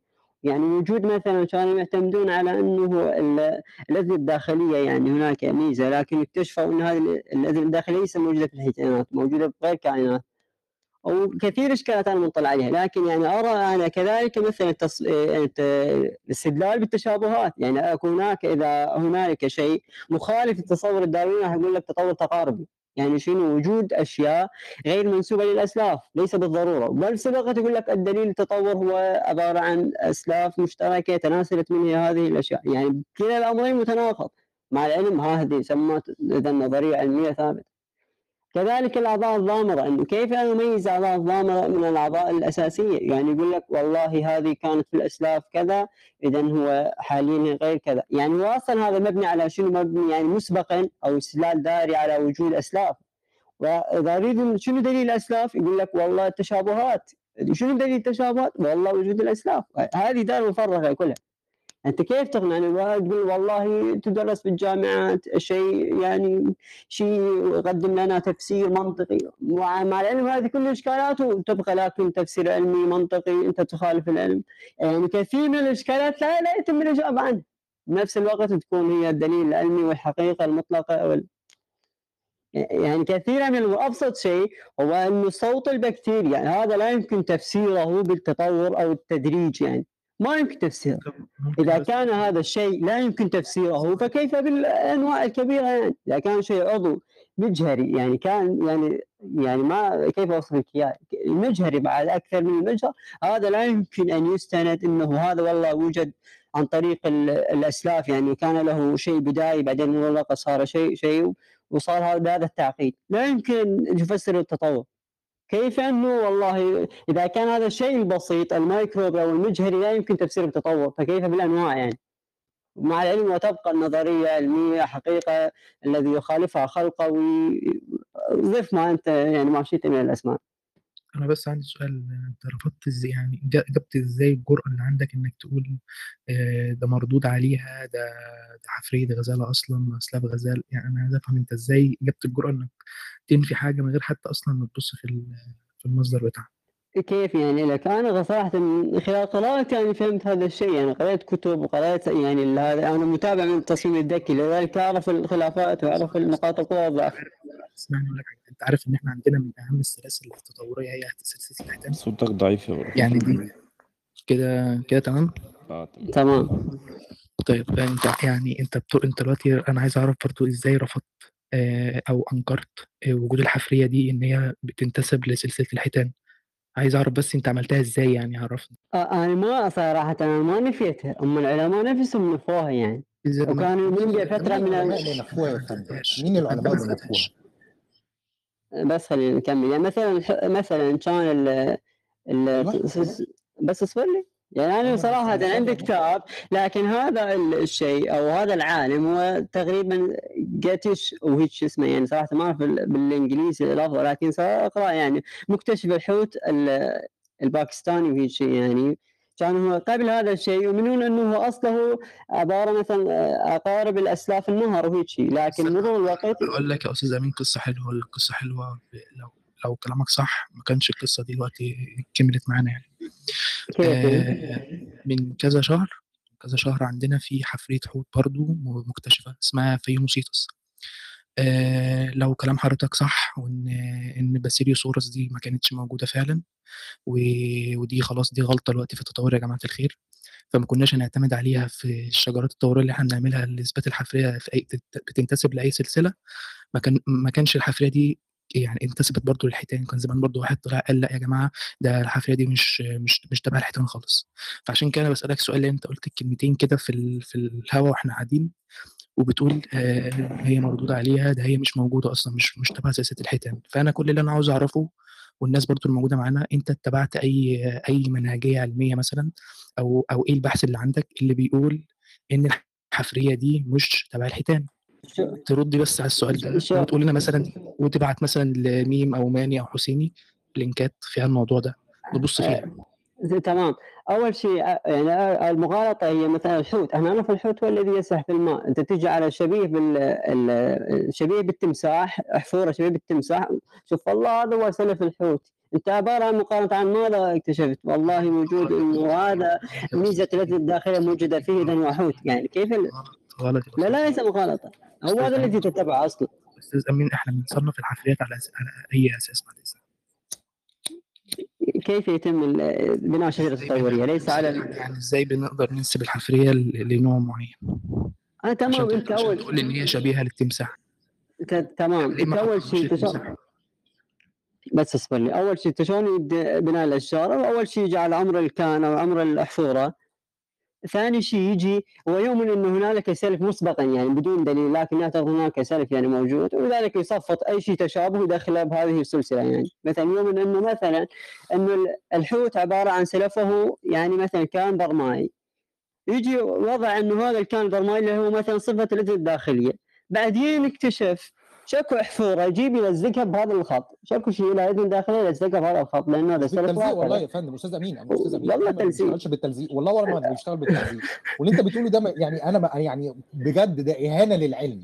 لما انت تيجي. تقول لي إن العلم بيشتغل بالتلزيق ثواني بقى أحط الميوت يا أستاذ أمين بس عشان حضرتك بس في كم من المغالطات أنا عمال بسمعه وسايبك بتتكلم وبث الجهل اللي حضرتك بتقوله ده بس العلم ما بيشتغلش بالتلزيق حضرتك لما بيكون عندنا حفريات الحفريات دي إحنا بنرو- بنروح بنكشف عليها بتبتدي تشوف الأثر الأحفوري اللي أنا رأيته ده عمره قد إيه وعندنا أكتر من آلية إن إحنا نكتشف الأثر الأحفوري ده عمره قد إيه سواء من طبقات الأرض أو من ترسب الملح أو بالكربون المشع بقدر إن أنا أكتشف الأحفورة دي عمرها قد إيه بالظبط فأقدر أحطها في سلسلة الشجرة التطورية اللي موجودة عندي بشكل دقيق وابقى عارف أنا ده قبل المخلوق ده ولا بعديه. يعني لو كان الحوت موجود في نفس الوقت اللي كان موجود فيه الحوت أبو أربع رجلين يبقى ساعتها اللي كده النظرية بتاعتي بتسقط. واحد. اثنين ببتدي إن أنا أشوف ال gene sequencing اللي موجود عندي وأشوف الأدلة الجينية اللي موجودة عندي في ال- المخلوق اللي أنا لقيته ده وأبتدي أشوف هل فعلا الأدلة دي متطابقة هل فعلا ينفع إن ده يجي من ده؟ هل ينفع إن يبقى في أخطاء في النسخ الجيني كانت موجودة متشابهة ما بين الاثنين درجة التشابه اللي ما بينهم إيه؟ ثلاثة بشوف الاختلافات اللي موجودة هل تؤدي فعلا الاختلافات دي للشكل المتشا... المتغير عندي ولا بتؤدي إلى اختلافات تانية؟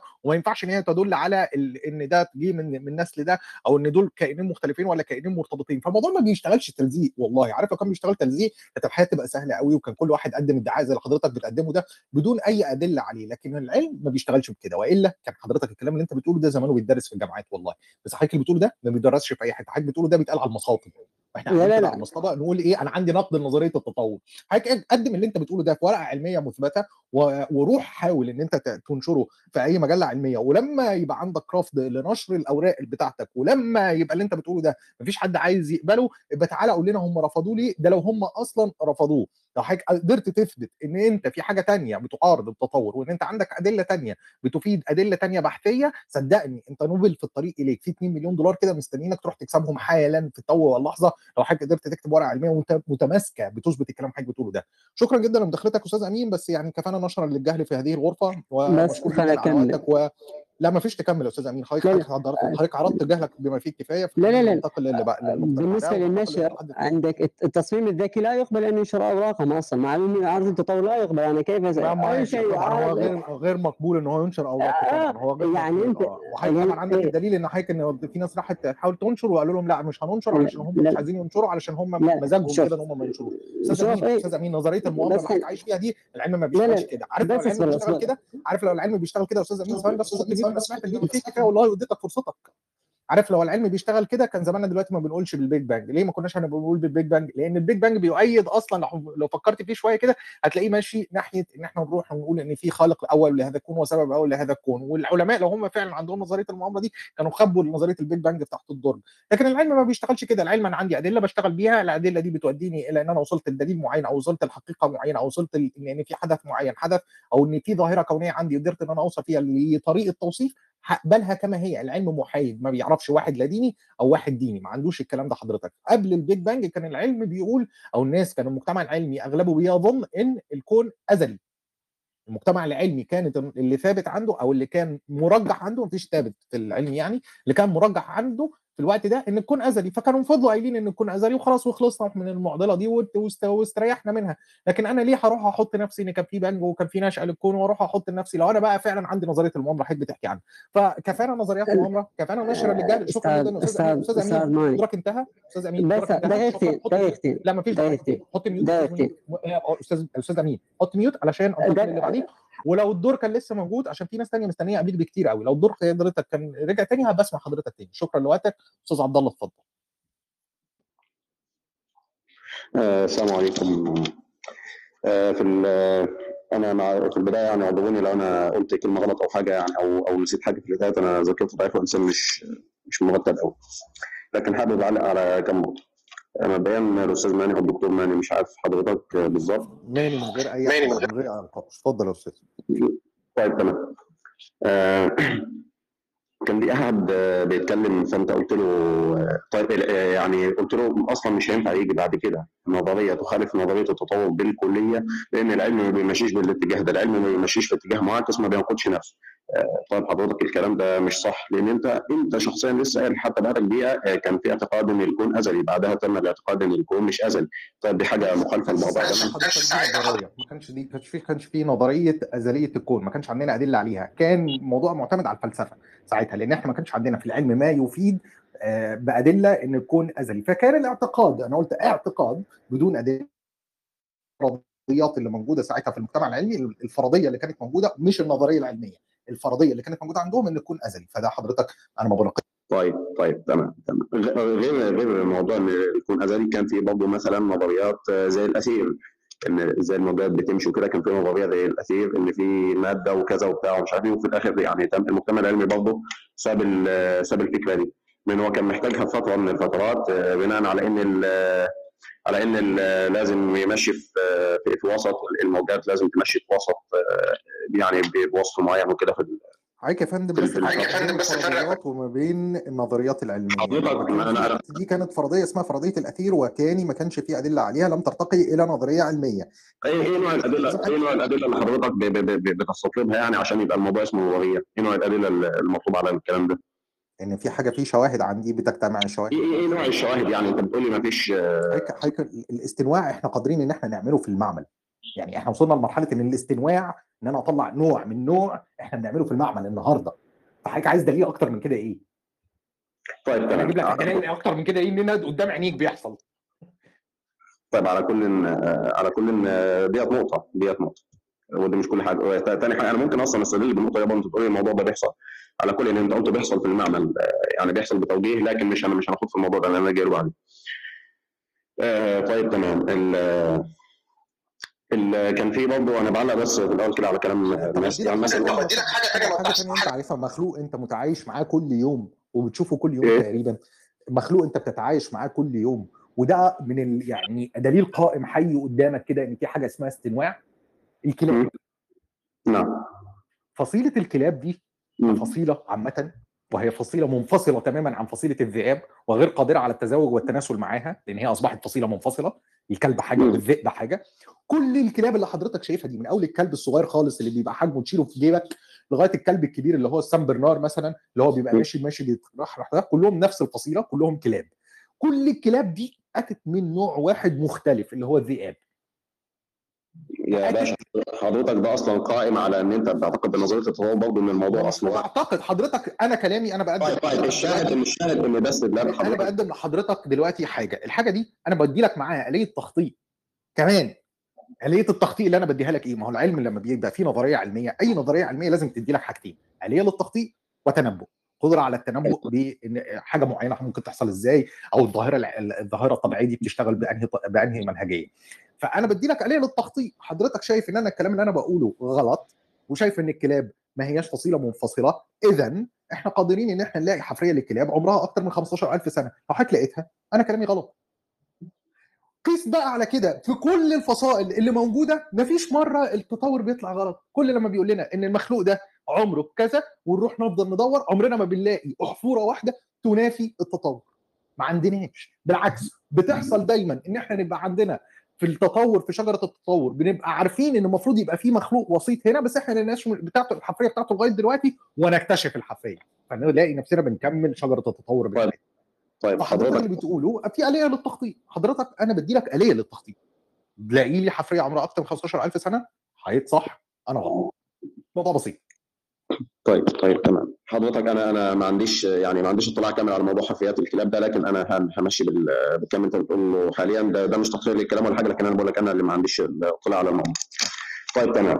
آه في حاجة برضه أنا بس بقول لك لسه في الأول بعلق على كلام الناس اللي بتتكلم. كان في أخت اسمها شيرين آه بتقول لك آه إن الإيمان بالخالق ده فكرة ده ده, ده قايم على نزعة الخوف وكذا وإن لو ما فيش خوف الناس هتصحى الصبح هتلاقي الايمان بالخالق اتضخ قالت كده نص. طب ما طب ما الملحدين أصلا نفسهم بي- بتقول لك عشان يعني لما الإنسان عايز يضمن إن هو يبقى موجود بعد ما يموت. طب ما الملحدين بينتحروا. الملحدين أكثر يعني من أكثر الناس اللي بينتحروا الملحدين. والمؤمنين كمان والمؤمنين كمان بينتحروا. إن دي نقطة حساسة جدا يا أستاذ عبد الله. طيب وحضرتك لا لا أنا مش قصدي حاجة أنا ما بسخرش من حد. أنا دلوقتي بعرض. جدا. أنا وأنا بعرض أنا ده بص أنا بقالي دلوقتي تسعة أشهر على الكلاب هاوس منين ما حد بيفتح سيرة الانتحار أنا بوقفه في لحظتها في الطو واللحظة. لأن حضرتك لو حضرتك في حد مريض اكتئاب موجود قاعد بيسمعنا الكلام ده ممكن يبقى تريجرنج أو بيبقى بيسبب له إنعاط وتشتغل ونؤثر عليه. أنا مش هلعب اللعبة دي خالص. عايز تتكلم في أي حاجة طيب، ثانية طيب. اتفضل. ده طيب، الموضوع طيب، اللي محظور عندي. بس حاجة قبل ما تقولي أنا أنا مش بلعب حاجة ولا بحرض أنا بس بذكر يعني بذكر إحصائيات دي مجرد إحصائيات. طب أنا ممكن أقول لك ما تتكلمش في التطور لأن الموضوع ده بقى هيتعارض مع نفسيات الناس في الدين وكده طب ما أي حاجة مش عاجبك إن أنا بتكلم في التطور؟ خلاص ما تخشش الغرفة براحتك. آه طب ما أنت ده حضرتك ده حضرتك اسمه كده موضوع موضوع الغرفة مش الانتحار موضوع الغرفة التطور. ده موضوع الغرفة. لو كان موضوع طيب طيب خلاص يبقى حضرتك بقى وقفتك يبقى ليك حق تعترض ساعتها. لا لا لا لا لا لا لا. لا لا حضرتك كان هو الموضوع له علاقة ببعضه. أنا أنا بذكر الانتحار ليه يعني أنا بحلش مشاكل اجتماعية دلوقتي. أنا بس بعلق على كلام الأخت كان المفروض بقى حضرتك لما الأخت شيرين قالت أنا رديت عليها وتوقفها برضه وقلت لك يا فندم إن كمان المؤمنين عندهم نسب من الانتحار. طيب الانتحار اسمه الاكتئاب وهو مرض لا يعرف ولا يميز من يصيبه من عدم. كل الناس تتعرض لمرض الاكتئاب بالتساوي. الجملة الجملة دي حضرتك أصلا ده يعتبر رد على الأخت قالته وأنا أنا مش مش هقول أكتر من كده. تمام. في في الموضوع ده. في حاجة آه، كمان بقى اللي هو ال- مش فاكر يا رب مين ال- ال- ال nerve في في الزرافة. قال قال طالع نزل من- مش عارف ال anatomy بتاع الزرافة الصراحة. لكن آه، أنا بقول حاجة يعني. هو مش في طب عادي الزرافه في كل مش المخلوقات في كل المخلوقات يا باشا. إيه إيه إيه ال nerve حضرتك يعني أنا برضه بدرس طب ممكن تسمي لي النيرف طيب هي دي نقطة تشريحية أنا بصراحة مش تخصصي طب فأنا مش هقدر آه أتكلم ده كان دكتور تخيل اللي ذكرها لكن طيب في شريان من الشرايين اللي موجود عندنا بينزل لغاية ما ينزل هو لغاية بيتكلم في ال left ال... recurrent laryngeal nerve آه يا ريت يا اللي بينزل بيعمل arching من تحت الأورطة بالظبط لو تقدر انت تشرح النقطة دي لأن أنا مش تخصصي طب فمش هقدر ان أنا طيب اتكلم طيب تمام تمام. حضراتكم يعني طيب ما أنا اللي هتكلم في وجود دكتور محمد عصفور يعني أكيد هو اللي هيتكلم. آه لا لا أنا مش هستفيد في الموضوع. مش هستفيد في الموضوع لكن هقول حاجة بس. مش كل حاجة إحنا على مدار التاريخ كنا عارفين ليها سبب. يعني في حاجات كتير جدا اتقالت إن هي آه، دي حاجات عشوائية وحاجات آه، تصميم غبي أو حاجة ملهاش لازمة وطلع آه، وطلع ده عادي يعني. كان بيقوله دكتور تقي إن إحنا الشريان ده لو إحنا بصينا له في خارج نظرية التطور إحنا مش عارفين نلاقي له سبب. لكن لو إحنا رحنا لنظرية التطور وفهمنا إن المخلوقات كلها استنوعت من مخلوق في الأول كان واحد وابتدينا يحصل كل الاستنواع اللي إحنا شايفينه من اول البشر وصولا لغاية النملة اللي ماشية على الأرض فساعتها هيبقى مفهوم لينا بشكل كبير ليه الشريان ده شكله كده طيب وشكله عامل تمام. كده. طيب يبقى لا لنا تفسير بس دي فرضيه برضه دي فرضيه برضه في النهاية. اوضح حاجة بس. اوضح حاجة هو ده عصب؟ لحظة بس عشان يبقى واضحين إحنا بنتكلم في إيه. بعد اذنك كمان يعني. هو ده عصب اسمه اسمه left recurrent laryngeal nerve ماشي العصب ده اللي laryngeal nerve هفهمها لك؟ طيب عشان تعرف ترد عليه. الفكرة اللي هم بيتكلموا فيها آه إنه العصب ده بي... مكان طلوعه في السمك بيبقى ال- في حاجة يعني بداية العصب ونهاية العصب. في السمك بيبقى بداية العصب ونهاية العصب جنب بعض على طول. يطلع من حتة يروح يوصل لحتة. في الإنسان وفي الزرافة بقى العصب ده آه، بيبقى مكان بدايته بعيد جدا عن مكان نهايته. فبينزل يقوم لافف لفة كده بدون ما يدي أي برانشات يعني لفة تعتبر بدون سبب ويطلع بعد كده يدي مكان نهايته بيمشي بتاع حوالي مثلا 12 أو 15 سم ما إحناش فاهمين إيه سببه. ده اللي ماني بيكلمك فيه عشان تكون فاهم يعني. خلاص طيب كده طيب اتمنى كده كده طيب ماشي أنا حضرتك أنا واخد بالي واخد بالي. ما إحناش فاهمين إيه السبب لكن ما نقدرش نجزم إن إن ما فيش سبب للموضوع ده. وأنا أعتقد إن ما فيش حد يخالفني في الموضوع. ما أعرفش اتناقش مع ماني بقى. أنا كنت بوضح النقطة العلمية بس. طيب ما أنا بقول لك هو ما حدش يقدر. هو دكتور عصفور أنت موجود؟ أيوه. طيب ممكن تكلمنا عن ال left laryngeal العصب ده وت- وت- وتشرح لنا إزاي تطوريا إحنا عارفين ان هو بيمشي كده بسبب ان هو في عندنا آلية للتطور. حصلت لو عندك معلومات عنه؟ أكتر ده اسمه العصب الحنجري الراجع العصب الحنجري الراجع بيغذي معظم عضلات الحنجرة. العصب ده بي... ممكن الصوت بعد إذنك بس ضعيف. طيب كده مسموع؟ آه تمام.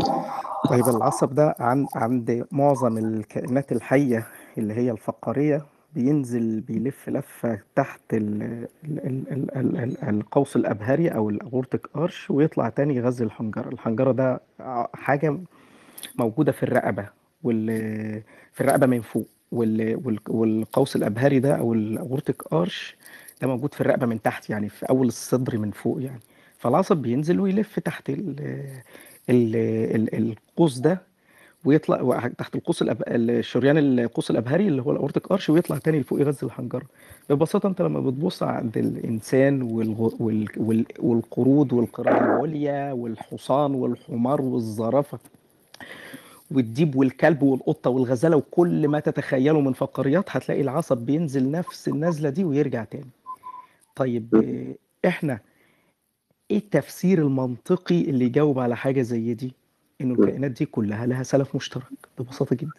طيب طيب. أنت أنت دلوقتي تقدر تجزم إن ده التفسير الوحيد ما تقدرش تقدر تجزم إن مش هي مش هنكتشف بعد كده سبب آه، أو فايدة لل- للموضوع ده؟ أنا ما بقولش إنه مش ما فيش فايدة. أنا ما قلتش كده خالص. أنا ما قلتش كده خالص. ما فيش سبب تاني غير التطور يفسر الموضوع ده. تقدر تجزم إن مش هيبقى فيه سبب بعد كده يفسر الموضوع. ما أقدرش أجزم بحاجة بس تمام. يبقى ما ينفعش نستدل بالموضوع. لا ينفع نستدل بيه.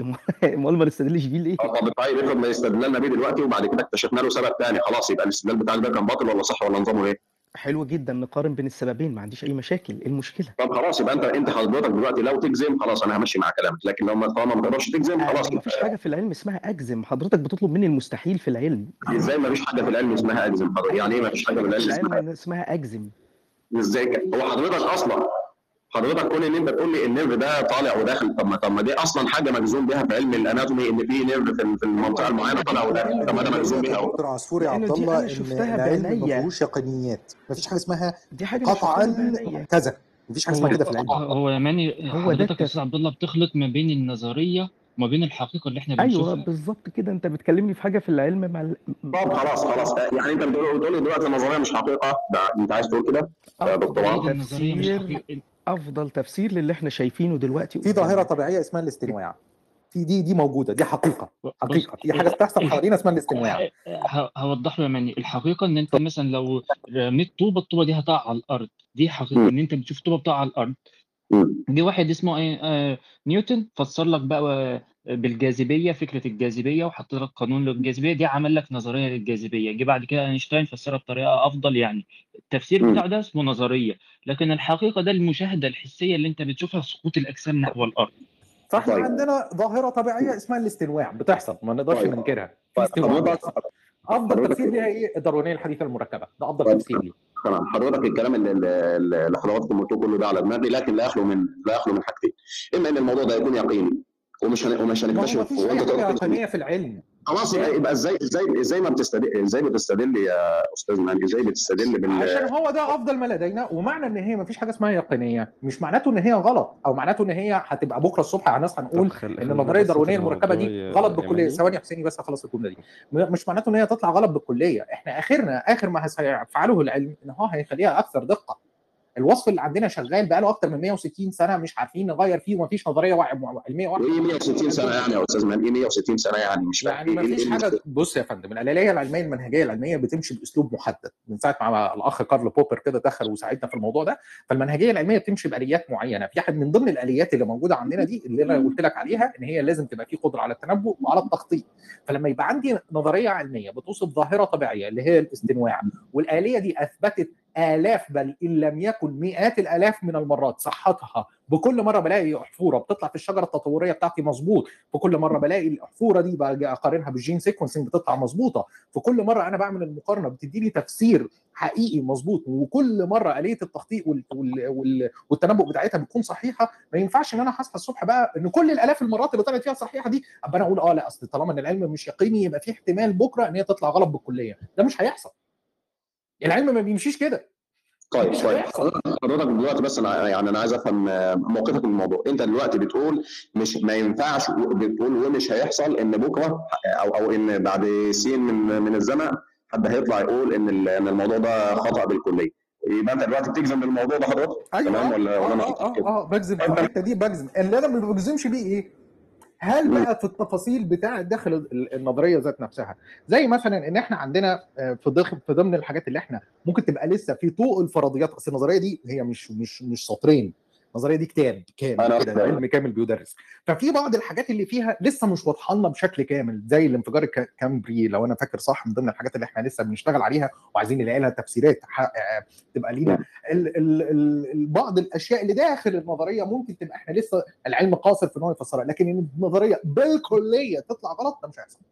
طيب طيب تمام. عندنا النقطة دي من كتير. عندنا طيب تمام تمام. شكرا لحضرتك طيب ما أنا عندي دلوقتي برضه وجهة النظر الجميع بتفسر جدا ومنطقية جدا ووجهة نظر كاملة وشمولية وشايفها تفسير منطقي جدا لل فيها آلية للتخطيط واليه فيها آلية للتخطيط وآلية للتنبؤ. اديني آلية بس كده زي ما العلم بيشتغل. آه آه آه فيها آلية آلية التخطيط بتاعتها إيه بقى؟ أنا عايز اثبت لو أنا حابب إن أنت تديني زي ما جيت قلت لك كده أنا اديتك مثلا أنا وافقتك أنا فاهم قلت لك عشان بس أبقى حضرتك فاهم سؤال حضرتك سألتني. يا فندم أنا قلت لك الكلب ده إحنا أنا في آلية للتخطيط روح هات لي أحفوره لو لقيت أحفوره عمرها أكتر من 15000 سنة هيصح إيه آلية التخطيط بتاعت حضرتك؟ حاضر حاضر. آه، في الأول قبل ما أقول آلية التخطيط بتاعتي يعني لازم أقول الأول الموضوع ده مبني عليه الأول. الموضوع ده مبني آه، دينيا على وجود الخالق ثم وجود النبوات ثم نبوة الرسول ثم ثبوت الكلام ال- اللي في الكتاب ده عن عن الرسول تمام؟ في الحالة دي أنا بقول لك إن إن الحاجة ديت هتبقى تمام سليم طيب أنت عشان أنا دلوقتي آه، أنا أنا بدعي دعوة إن لو كل حاجة في الحاجات ديت آه، تمام سليمة منطقية تم إثباتها فخلاص الموضوع ده هيطلع غلط. أنت عشان تنقل تنقل الحاجة دي آلية التخطيط بقى؟ إنك تخطأ لي واحدة فيهم. لو خطأت لي واحدة فيهم بأي سبب بأي بأي وسيلة من الوسائل يعني قلت لي مثلا القرآن ده خاطئ أو حاجة أو أو أو مش هو مصدر ما يمكن ما يمكن فهمك للقرآن غلط. أنا مش ضمني إن الفهم اللي أنت جايبه لي ده فهم صح.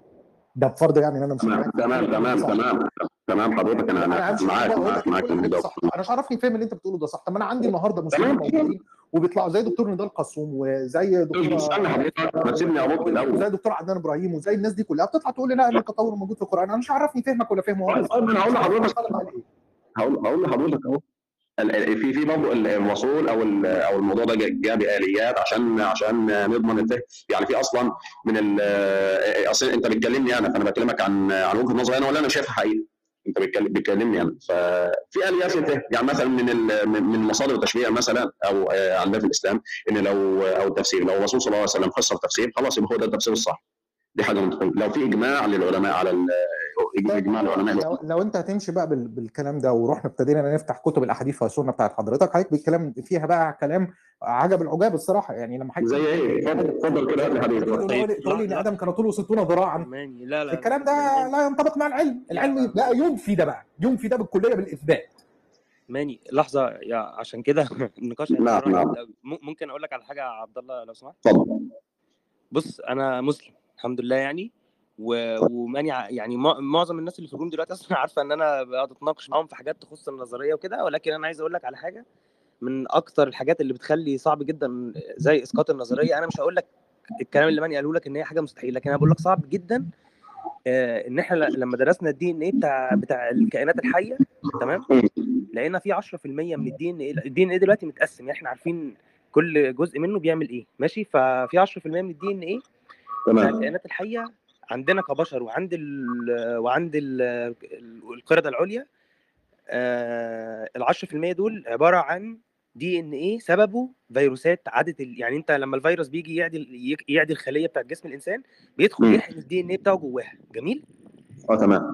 تمام كده؟ يعني أنا مازن. الفيروس صابني بقيت مازن زائد الفيروس. ده حضرتك أنا بدرس طب فاهم يعني لو بوفر بس على حضرتك الشرح طب خلاص تمام. ف... فلقينا إن في 10% من ال DNA عندنا سببه عدوى من الفيروسات و... و10% من ال DNA بتاع القرده العليا برضو عندهم عدوى من الفيروسات. فده خلانا نتنبأ فعلا بفكرة السلف المشترك أنا أنا عشان كده بقول لك ليه ماني بيقول لك أو بعد لما درسنا ال DNA الكلام اللي أنت بتتكلم فيه ان النظرية تسقط بالكلية كان زمان قائم صح فعلا؟ لما كانت النظرية قايمة بس على فكرة الإيه؟ الحفريات بس. ساعتها كان ممكن تسقط بالكلية فعلا. لما. ال DNA دخل في الموضوع بقى صعب جدا إنها تسقط بالكلية. آه بقت ممكن تتعدل ممكن تاخد أشكال تانية لكن إنها تسقط بالكلية يعني حاجة صعبة جدا يعني. ده بس اللي أنا كنت عايز أقوله لك. اللي يقصده عبد الله إن العلم بيتطور مش بيتناقض. ما ينفعش النهارده النظرية بتتنبأ بحاجات مستقبلية ولها تطبيقات واقعية يجي تاني يوم نلاقي سبحان الله نقيض الشيء ده هو اللي صح. ده ده ده مش موجود. ما- لأن إحنا ليه تطبيقات على أرض الواقع بس. إيه إيه إيه إيه التطبيقات اللي على أرض الواقع؟ حضرتك؟ لأن أنا بس الكلام ده كتير مش تطبيقات يعني بالظبط آه لا هي الحفريات برضو يا مازن مش آه، عمر مستحيل تسقط بالكلية. دي بس إضافة يعني. لا هو بغض النظر بغض النظر هو بالكليه مازن ما قالش كده. هو قال إن الدليل بتاعها ما كانش كافي إن هي تبقى قطعية زي ما أو تصل لدرجة الثبوت اللي هي واصلة DNA. لها النهارده ال DNA خلاها واصلة لدرجة من الثبوت عالية جدا. أنا مكمل اللي بيتكلم آه إيه تطبيقات حضرتك على على النظرية يعني أنا بسمع ان في تطبيقات كتير لكن أنا أنا شخصيا مش شايف تطبيقات يعني لو حد بس يذكر لي واحد أو اثنين كده حضرتك بتدرس طب يا أستاذ عبد الله صح؟ آه بدرس طب لكن أنا لسه في سنة ثانية يعني فما طيب تاخدنيش كويس جدا كويس جدا كويس جدا انت لما بتجرب أدوية بتجربها على على مين؟ لما بتجرب أدوية بتجربها على مين؟ آه طيب تمام. أنا ممكن ممكن أقول حاجة بس عشان أوفر على حضرتك الكلام اللي أنت ممكن تقوله. بتجربها ممكن ب... ماشي. ممكن بت- بتجاوب الأول على حيوانات مثلا طبعا قبل ما تتجاوب على بشر. تمام. بتجرب على حيوانات إيه؟ زي إيه مثلا؟ ممكن بت- بتجاوب على الفئران مثلا. بالظبط. فئران التجارب اللي هي الجينيا بيج ليه؟ يعني تفتكر أحد الأسباب ليه؟ عشان في تشابه. تشابه إيه؟ شو في تشابه في ت- في تشابه في طريقة تفاعل الدواء مع في تشابه جيني في في تشابه في ال... بالظبط عشان في تشابه جيني. تمام؟ طيب. أحد التنبؤات إن إحنا ك... كنا ك... ككائنات لينا سلف مشترك إذا إحنا غالبا بروتيناتنا بشكل كبير متس... متشابهة. وبما إن بروتيناتنا بشكل كبير متشابهة إذا غالبا الدي ان إيه بتاعنا بشكل كبير متشابه. وده اللي بيخليني لما أجرب الدواء ده على الفار ده وأعرف ان هو بيعمل التأثير ده أجي وأنا مطمن بعد كده أقدر أخش على الإنسان. ده أحد أحد التطبيقات أحد الإنفرنس الاستنتاجات أو ال أو ال ال ال اللي أنا بستنتجها بناء على فهمي لنظرية التطور. لو أنا مش مش منصدم مش مقتنع بالتطور المفروض ايثيكالي ما أعملش حاجة زي دي. طيب طيب حضرتك ممكن ارد اتفضل. طيب حضرتك يا دكتور محمد الكلام اللي انت بتقوله ده أنا مش مقتنع بيه تماما. ليه بقى؟ لأن أنا أنا بعتمد دلوقتي في في في تجربتي ال- الأدوية وكده على أنا فقط يعني أنا عايز نقطه واحد. النقطه الواحده اللي أنا بعتمد عليه هو وجود تشابه. التشابه ده زي ما بقول إيه بقى؟ أنا ماليش فيه. آه، طب أنا ممكن أقول لك التشابه آه، لأن الخالق واحد. طيب آه، أنا لو قلت التشابه لأن الخالق واحد وبعدها جاوبت على الموضوع. هل هل هل كده يبقى في غلط؟ أنا ماليش علاقة. إيه؟ مصدر التشابه أصلا. يعني ده مصدر التشابه ده ملوش دعوة بالتطبيق. أنا الشاهد إن في تشابه وخلاص. يعني أنا عارف إن الحاجة اللي بتحصل هنا غالبا هتحصل هنا.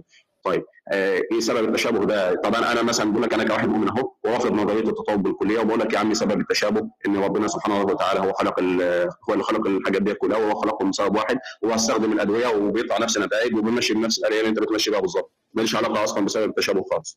جميل جدا. جميل جدا. جميل جدا. التشابه ده حاجة واحدة من النظرية كلها.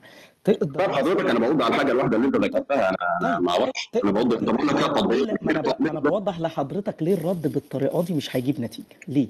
تقدر أنا ماليش يا يا يا يا فندم يا فندم أنا ماليش علاقة. أنا رديت رد أنا أنا شايف إن هو مقنع وأنا وأتوقع إن حضراتكم كلكم شايفين إن هو مقنع. أنا أنا بستخدم عشان في تشابه ماليش دعوة بسبب التشابه. ال- ماشي أنا معاك شايف إن هو مقنع بس هقول لك الرد ده فيه مشكلتين. أول مشكلة إنه في تقدر تفسر لي مثلا التسلسل في الأحافير من كائنات بسيطة لكائنات عب... لكائنات معقدة عبر الأعمار تقدر تفسر مثلا اللي اللي حضرتك بس ده تسلسل في- الموضوع إحنا خرجنا يعني إحنا دلوقتي كنا بنتكلم حضرتك بتقول التطبيقات التطبيقات على نظرية التطور ده يمنعنا إن إحنا نخطئها بعد كده فين التطبيقات؟ أكمل لما أنت اتكلمت أنا سكت صح؟ خلاص أنا أنا هكتب طيب تقدر تفسر لي مثلا التشابهات الجينية بين الكائنات ودقتها أو أو إيه؟ أو نوعا ما تشابهها الكبير مع مع السجل الأحفوري اللي إحنا بنقدر نلاقيه؟ تقدر تفسر لي التشابهات الجينية مع بين الكائنات والتشابهات التشريحية؟ كل الكلام ده في نظرية عندي أقدر أحطها في تحت ما تحت الميكروسكوب في المعمل أو أقدر أحطها على طاولة الاختبار في المعمل وأجربها وبتديني نتيجة. ال ال ال ال ال الخلق كده أو ال creationism أو ايا كان أو ال intelligent design تقدر تقول لي إزاي أقدر أجربه في المعمل؟ يعني إزاي أقدر أخطّأ الكلام ده؟ إزاي test how how طيب how طيب test how أنا لما قلت له how to test و how to falsify قال لي انقذ لي القرآن اللي هي حاجة مالهاش علاقة لا، لا، لا، لا، لا لا لا حضرتك بس ثواني ثواني ثواني. يعني حضراتكم عايزين تتكلموا اتفضلوا اتكلموا. لما تخلصوا براحتكم ردونا اتكلم. امم تقول لي. طيب خلاص أنا أعتبر ان أنا بقى. طيب تمام. آه ده كلامك أصلا ده كله قايم على إن أي حاجة حقيقية لازم لازم أنفع اجربها في المختبر. مين اللي قال كده؟ مين مين اللي حدد التحديد ده؟ سبحان الله. طب ما الرياضيات مثلا أصلا ما بتتجربش في المختبر. آه حتى لو أنت جربتها في المختبر وطلعت صح أي إثبات رياضي أو أي عالم رياضيات ملوش دعوة هو ملوش دعوة بأي مختبرات خالص. يعني مثلا في إثبات إن مجموع زوال المثلث 180 ما فيش حد هيجي يقول لك طب إيه- أقعد أرسم مثلثات للصبح بقى وبقى قابلني لو في مثلث طلع مش كده. ما فيش حاجة اسمها كده ده ما بيحصلش. إيه والله بيحصل بيقول لك ارسم خط متوازي. فمن من إحنا عارفين إن الخط ال- إن إن القطعة المستقيمة آه، الزاوية عليها تبقى 180 درجة.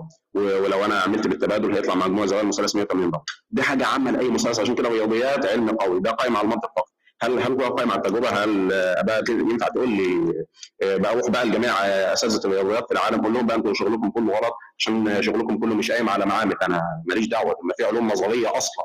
إيه إيه العلاقة؟ وانت دلوقتي يا أستاذ ماني تقول لي آه، دي حاجة أصلا مالهاش علاقة خالص. لا دي حاجة لها علاقة من من جهة اللي هي إيه بقى؟ أنا لو عندي كتاب معين. أنا دلوقتي بدعي دعوة إن الكتاب ده لا يمكن يكون فيه حاجة غلط.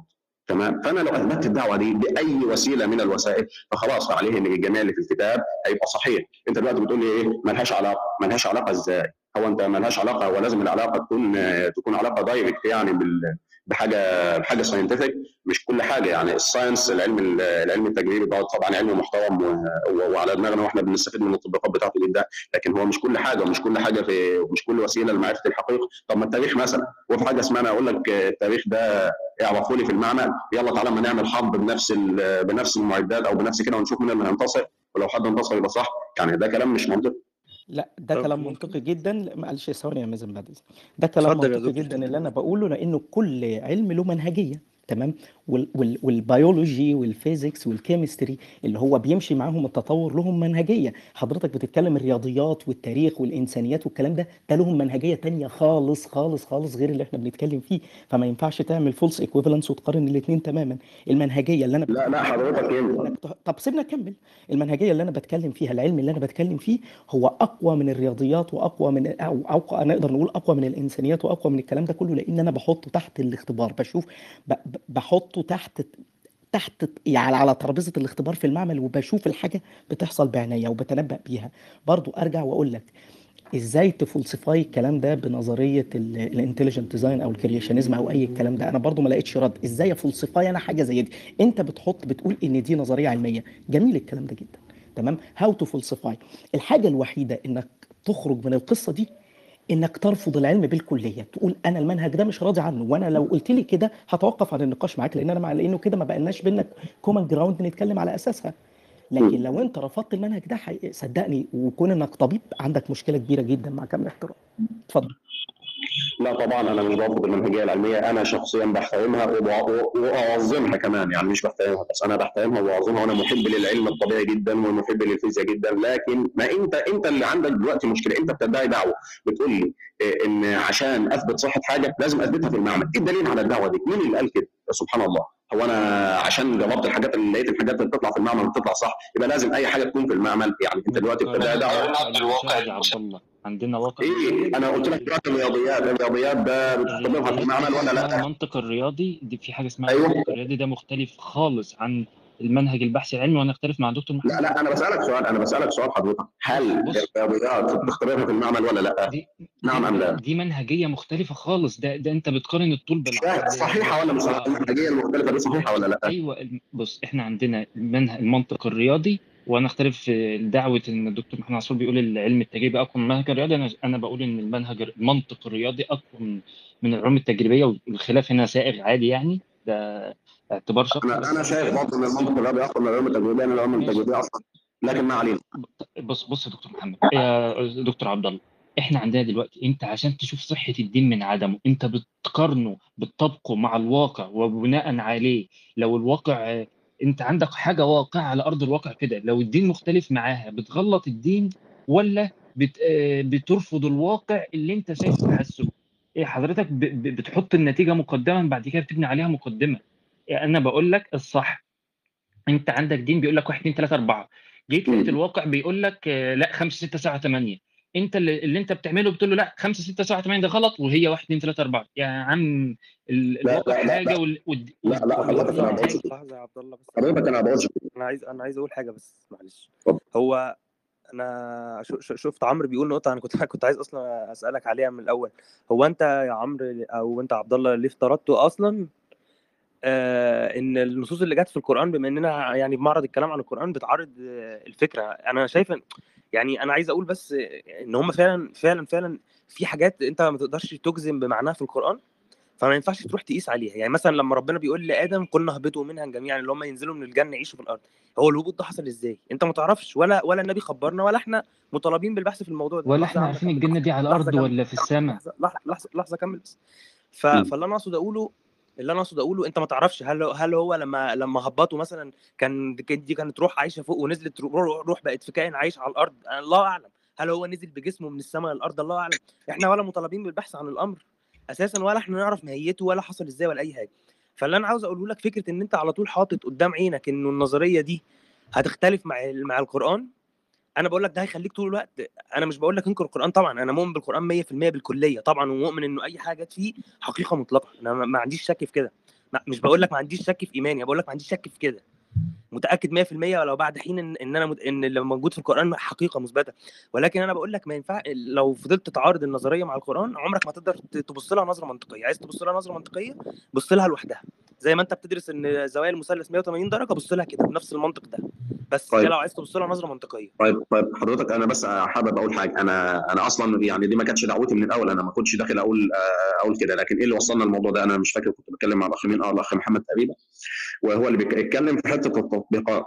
فانا فانا أنا قلت هي فين التطبيقات دي؟ بس يعني أنا فاكر إن ده كان السؤال. وبعدها بعدها إحنا استطردنا بقى لكن أنا لسه عند السؤال بتاع فين التطبيقات دي؟ لأن أنت حضرتك بتستدل إن طالما فيها لها تطبيقات بس حضرتك تطلع غلط؟ أنا أنا عن نفسي مش موافق على الكلام ده. لكن اني anyway, فين التطبيقات؟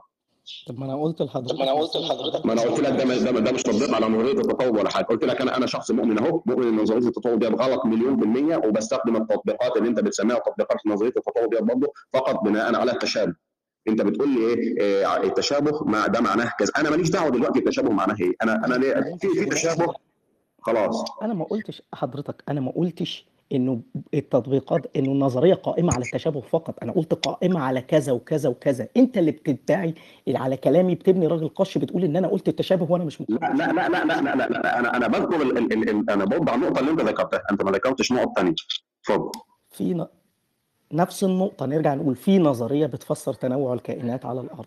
النظرية دي أحد أعمدتها التشابه الجيني. التشابه الجيني ده أنا بستخدمه عشان مثلا إزاي انقل الدواء اللي أنا بجربه على الفار أو على حيوان التجارب في المعمل مش عايزين نرجع للموضوع ده بقى تاني ما إحنا ردينا عليه طب ما هو لا أنا ما ردتش عليه هو انت رديت عليه بس الرد مش منطقي تماما الرد مش منطقي إزاي؟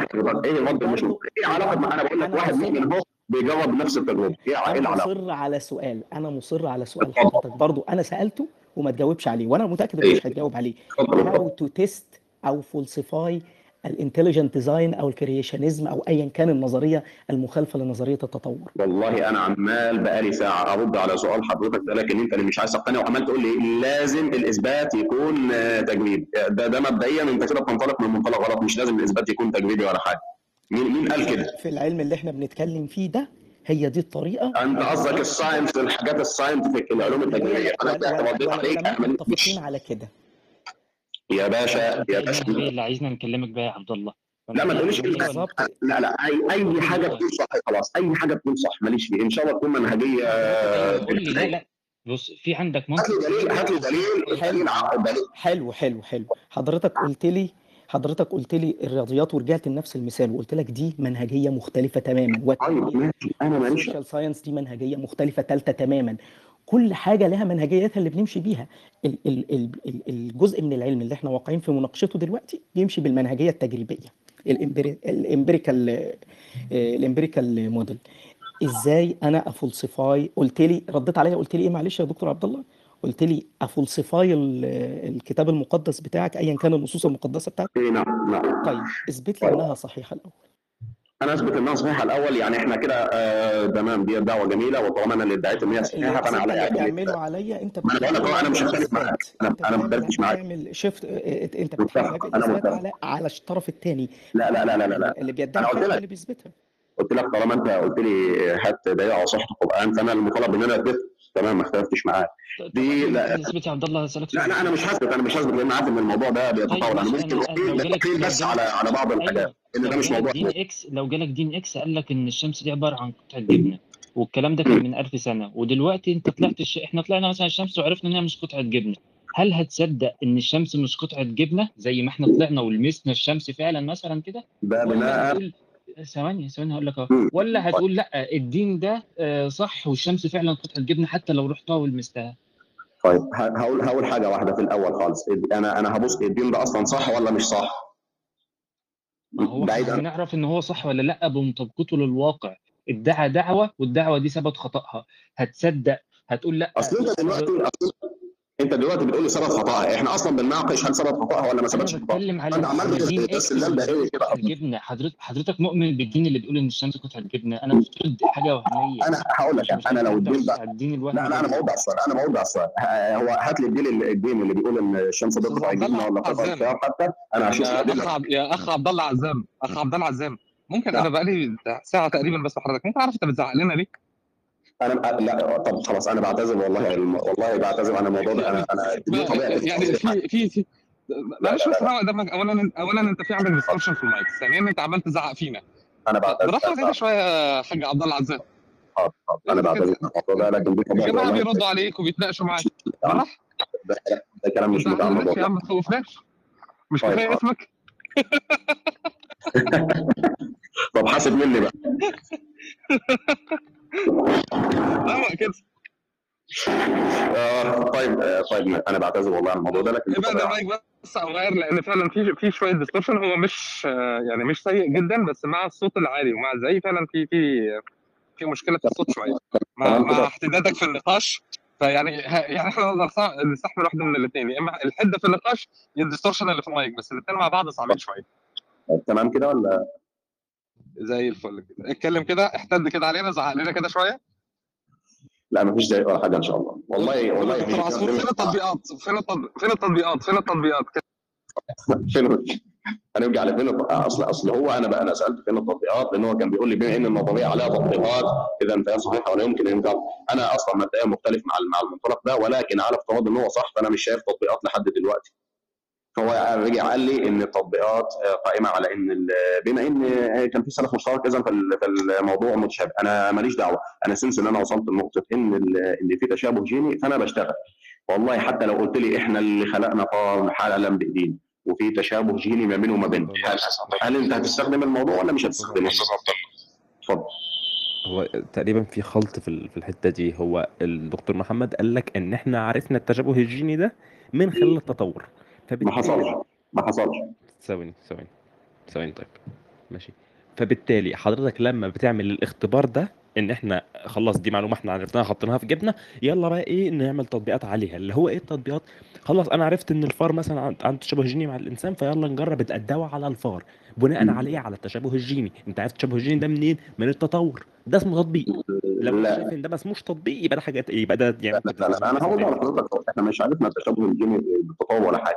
ده الناس أو المؤمنين بنظرية التطور بيستخدموا التشابه الجيني عشان يثبتوا صحة التطور اذا فالتشابه الجيني ده حتة إحنا بننطلق منها مش حتة إحنا بنستفاد منها من نظرية التطور تمام؟ يعني أنت لما أكثر الناس تيجي تقول لهم إيه ده؟ على نظرية التطور يقول لك طب ما في تشابه جيني. يبقى هم بيستدلوا بالتشابه الجيني مش بيستدلوا إليه. بيستدلوا بيه بينطلقوا منه. يعني في تشابه جيني أهو قبل ما يكون في نظرية التطور بعدها أنت عايز تقول لي يا عم التشابه الجيني ده أنا جبته منين؟ حضرتك يا أستاذ عبد الله. أنا جبت أنا المعنى. لا لا لا تشابه هنا هنا المشكلة بقى. هنا المشكلة. أيوة. حضرتك إحنا بناء على فهمنا للنظرية بفترض وجود تشابه جيني. وبناء على تطبيق النظرية بقول إنه التشابه الجيني ده هيفيدني في كذا كذا كذا. مفيش مشاكل خالص في اللي أنا بعمله ده وده مش نوع من الاستدلال الدائري على فكرة عشان لو تقول الكلام ده. ما هي العلم بيمشي بالطريقة دي. أنا مش شايفه بيمشي غير كده يعني. طيب طيب أنا أنا أنا بقى شخصيا بناء على إن أنا شفت في تشابه جيني أو أو خليني ما شفتش ولا أعرف إن حاجة فيها اسمها تشابه جيني ولا أعرف أي حاجة. أنا لقيت والله ان واحد واثنين وثلاثة من الدولة لما جربتهم على الفئران وجربتهم على البشر يعني طلع في طلع في تشابه في ال- في النتائج. فأنا عارف بستخدم الأدوية اللي بعدها عشان برضه هتوقع إن هيبقى في تشابه في النتائج. وللعلم يعني طبعا أنت أكيد عارف إن مش مضمون مش أي حاجة مش أي دواء أو أي أو أي حاجة adverse effect على الفئران هتبقى متساوية على البشر تمام؟ فأنا ممكن انطلق من الموضوع ده عادي. واتخلى عن نظريه التطور عبد الله أنت بتقول الخلق المباشر مش كده؟ آه أنا بقول بالخلق أنا أنا بقول بالخلق المباشر يعني أنت بترجعهم لمصدر واحد بس هو الإله إحنا بنرجعهم لمصدر واحد بس هي خلية واحدة. إحنا الاثنين متفقين يعني لأن إحنا الاثنين متفقين بس هقول لك حاجة لو هو خلق مباشر يا عبد الله لو ربنا بيخلق كل جنس أو فصيلة بخلق مباشر كده مرة واحدة هل نعم. هيخلقهم بعيوبهم. بال retrovirus gene اللي مازن قال لك عليهم ولا هيخلقهم سلام وبعد كده الفيروسات هتيجي بطريقة عشوائية وبالصدفة كل واحد ونصيبه بقى هتصيبه في أماكن مختلفة. إحنا طيب. طيب متشابهين في العيوب مش في ال... والأسهل من كده بس. يا عمرو يعني كذا فصيل من نفس. من نفس الكائن. يعني ليه يبقى يبقى عندي كائنين كده هما الاثنين نفس النوع وكل حاجة بس اختلاف في الفصيل. أنا أنا أنا أنا في البداية حضراتكم يعني لسه ما قلتش شعوب. أنا دي. ليه متشابهين في العيوب يا عبد الله؟ طيب تمام حضرتك أهو. ال- بسم الله الرحمن الرحيم. أنا في الأول أصلا وجهة نظري أنا أنا ما ما عنديش مشكلة إن يكون نظريه التطور صحيحة في الحيوانات والنباتات. أنا أكبر مشكله لكن برضه مش هؤمن بالعشوائية لأن ما فيش ده- غيرها وده ما إحنا يا حيوانات يا نباتات يا عبد الله هو في حاجة لا لا ثانية. أنا ما أنا بقول إن أول إنسان كان سيدنا آدم وهو كان أول واحد أول واحد من النوع اللي هو فيه. ده وده كان خلق مباشر. الحاجات الثانية بقى عايز تدعي فيها الدعوه اللي انت بتقول عليها أنا ما عندي مش هبقى عندي مشكلة معاك لكن برضه مش هعمل عشوائيه الإنسان حيوان يا عبد الله حيوان خلاص الحيوانات ما عدا الإنسان يا دكتور عمرو ما هو مش ال- ال- لما حضرتك بتستثني حاجة كده المفروض تجيب بقى دليل قوي يستثني حاجة من القاعدة الكبيرة دي كلها. لا أنا أصلا معتمد دليلك. على القاعدة في الأول عشان عشان أجيب لك دليل يستثني. أنا بطرح لك وجهة نظري. أنت من ساعتها أو الناس بتحاول ليه الخلق المباشر عندك جيب العيوب اتخلقوا بالعيوب. تقدر تفسر لي كده؟ للخلق المباشر جاب العيوب طيب آه، مبدئيا كده أنا هرد على الموضوع ده من نقطتين. أول حاجة زي ما أنا قلت دلوقتي إحنا في حاجات مش متأكدين إن هي عيوب ولا لأ. في حاجات تانية يعتقد إن هي عيوب وطلعت بعد كده مش عيوب ولا حاجة. لا انت بتتكلم على الاعضاء الضامره أنا بتكلم على ال retrovirus gene ال retrovirus gene دي فيروسات حضرتك لسه ما خلصتش. أنا ممكن أرد عنك فيهاش مجال خالص. أنا ممكن أرد عنك يا عبد الله على فكرة. طب اتفضل لا لا أنا أصل أنا أنا أنا دايما معترض على اللي بيقولوا عمرو ده اسمه ال argument from poor design يعني إنك أنت بتفترض إنه في poor design وبتنطلق منه.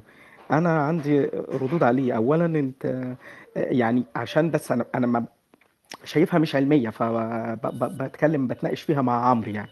تمام؟ اولا أنت ال poor design ده بتدعي ان هو poor design بناء على إيه؟ أنت لازم يكون عندك comparative أو أو نقدر نقول reference تستند إليه وتقول إنه ده poor design إحنا في العلم بنقول لا نعلم. لما مثلا مثلا مثلا تيجي تتكلم عن الزايدة الدودية وتقولي إيه وظيفتها أقول لك لا اعلم العلم لا يعلم. لكن ما أقدرش أقول إنه ملهاش وظيفة. كلمة ملهاش وظيفة دي ادعاء علمي. تاني حاجة ده اللي أنا كنت بقوله لحضرتك اللي أنا كنت لسه لا لا لا بس بس بس ده رد على ال argument دي بس ملوش علاقة يعني إيه ده يعني إيه احقاقا للحق ليس إلا احقاقا بس أنا عشان بالنقطة دي يا دكتور محمد. ما أنا أنا عارف إنه في نقط كتيرة غير دي بس أنا بنطلق لا أنا. استدلت بال retrovirus gene. أكيد حضرتك عارف أنا قصدي على إيه. yes yes أنا قصدي دي. آه، لا لا أنا عارف أنا عارف يا عمرو. آه، بس أنا مش قصدي على دي أنا قصدي على اللي أنت بتقولها دي العيوب أو الأر... دي اسمها argument from poor design تاني حاجة ال- قصة ال- إيه راحت عن دماغي دلوقتي إن تاني الإنسان حاجة. جه لوحده أو يعني هو منفرد لوحده عن باقي الكائنات لا إنه إنه في رد عليها بسيط يقول لك إيه إنه الإنسان الأول كان بدون عيوب والبيئة هي اللي أثرت فيه على مر الزمان بطفرات جينية لحد ما خلته بالعيوب اللي إحنا شايفينها دلوقتي. فده رد أنت برضو إيه مش هتقدر آه، تفلفص منه يعني من الآخر. ده ده يا دكتور عبد الله أنا بقوله احقاقا للحق. عشان أنا عارف تمام. الرد على النقطة دي فأنا بقولها. أنا شخصيا ما بستشهدش بيها خالص. جزاك الله. خير حضرتك امين جدا دكتور يعني. محمد. أنا بس عاوز أوضح فرق ما بين نقطتين. في حد بيستشهد بالأعضاء اللي بنقول عليها الأعضاء الضامرة شبه إيه؟ يقول لك auricularis muscle العضلات اللي حوالين الودن. في عضلة اسمها palmaris longus موجودة في الدراع كده موجودة عند 15% من البشر وبيقولوا إن القرود هي بتستخدمها في التسلق. في عندك ال appendix اللي هي الزائدة الدودية آه، عندك الحركة القشعريرة ديت حركة القشعريرة بيقولوا إنها كانت بت بتدفي أسلافنا. وغيرها. بيقولوا إن دي أعضاء ضامرة ملهاش وظيفة مل- ملهاش وظيفة ما بنستخدمهاش في حاجة ومع ذلك موجودة. فدي التشابه في الأعضاء اللي ملهاش وظيفة يدل على إننا جايين من سلف مشترك. مش ده اللي أنا كنت بستدل بيه بقى. اللي أنا بستدل بيه في فيروسات الفيروسات ديت عشان تدخل الجسم وتصيبه ال DNA بتاعها آه، بيندمج مع ال DN بتاعنا بيعمل لهم ترانسكريبشن بينسخهم وبيقوم مطلع فيروسات تانية. فالعلماء لما قارنوا الجينوم بتاع الإنسان مع الجينوم بتاع الشمبانزي لقوا إن في حوالي 208 retrovirus gene موجودين في الشمبانزي و211 التطابق في الأماكن بتاعهم بقى متطابقين في 205 مكان. لقوا نسبة التطابق ده من عدد ال genetic letters كلها احتمالية إن الصدفة أو العشوائية كده بالحظ جه تطابق 205 من أصل 208 مع 3.2 من عشرة مليار جينيتك لتر في كل خلية احتماليتها تساوي 1 في 10 أس 1428 اللي هو أكبر من عمر الكون ده بتاع 3 4 مرات. فإنك تقول إن إن جه خلق مبا- مباشر بالصدفة اللي هي أكبر من عمر الكون ديت شيء ضرب من الخيال.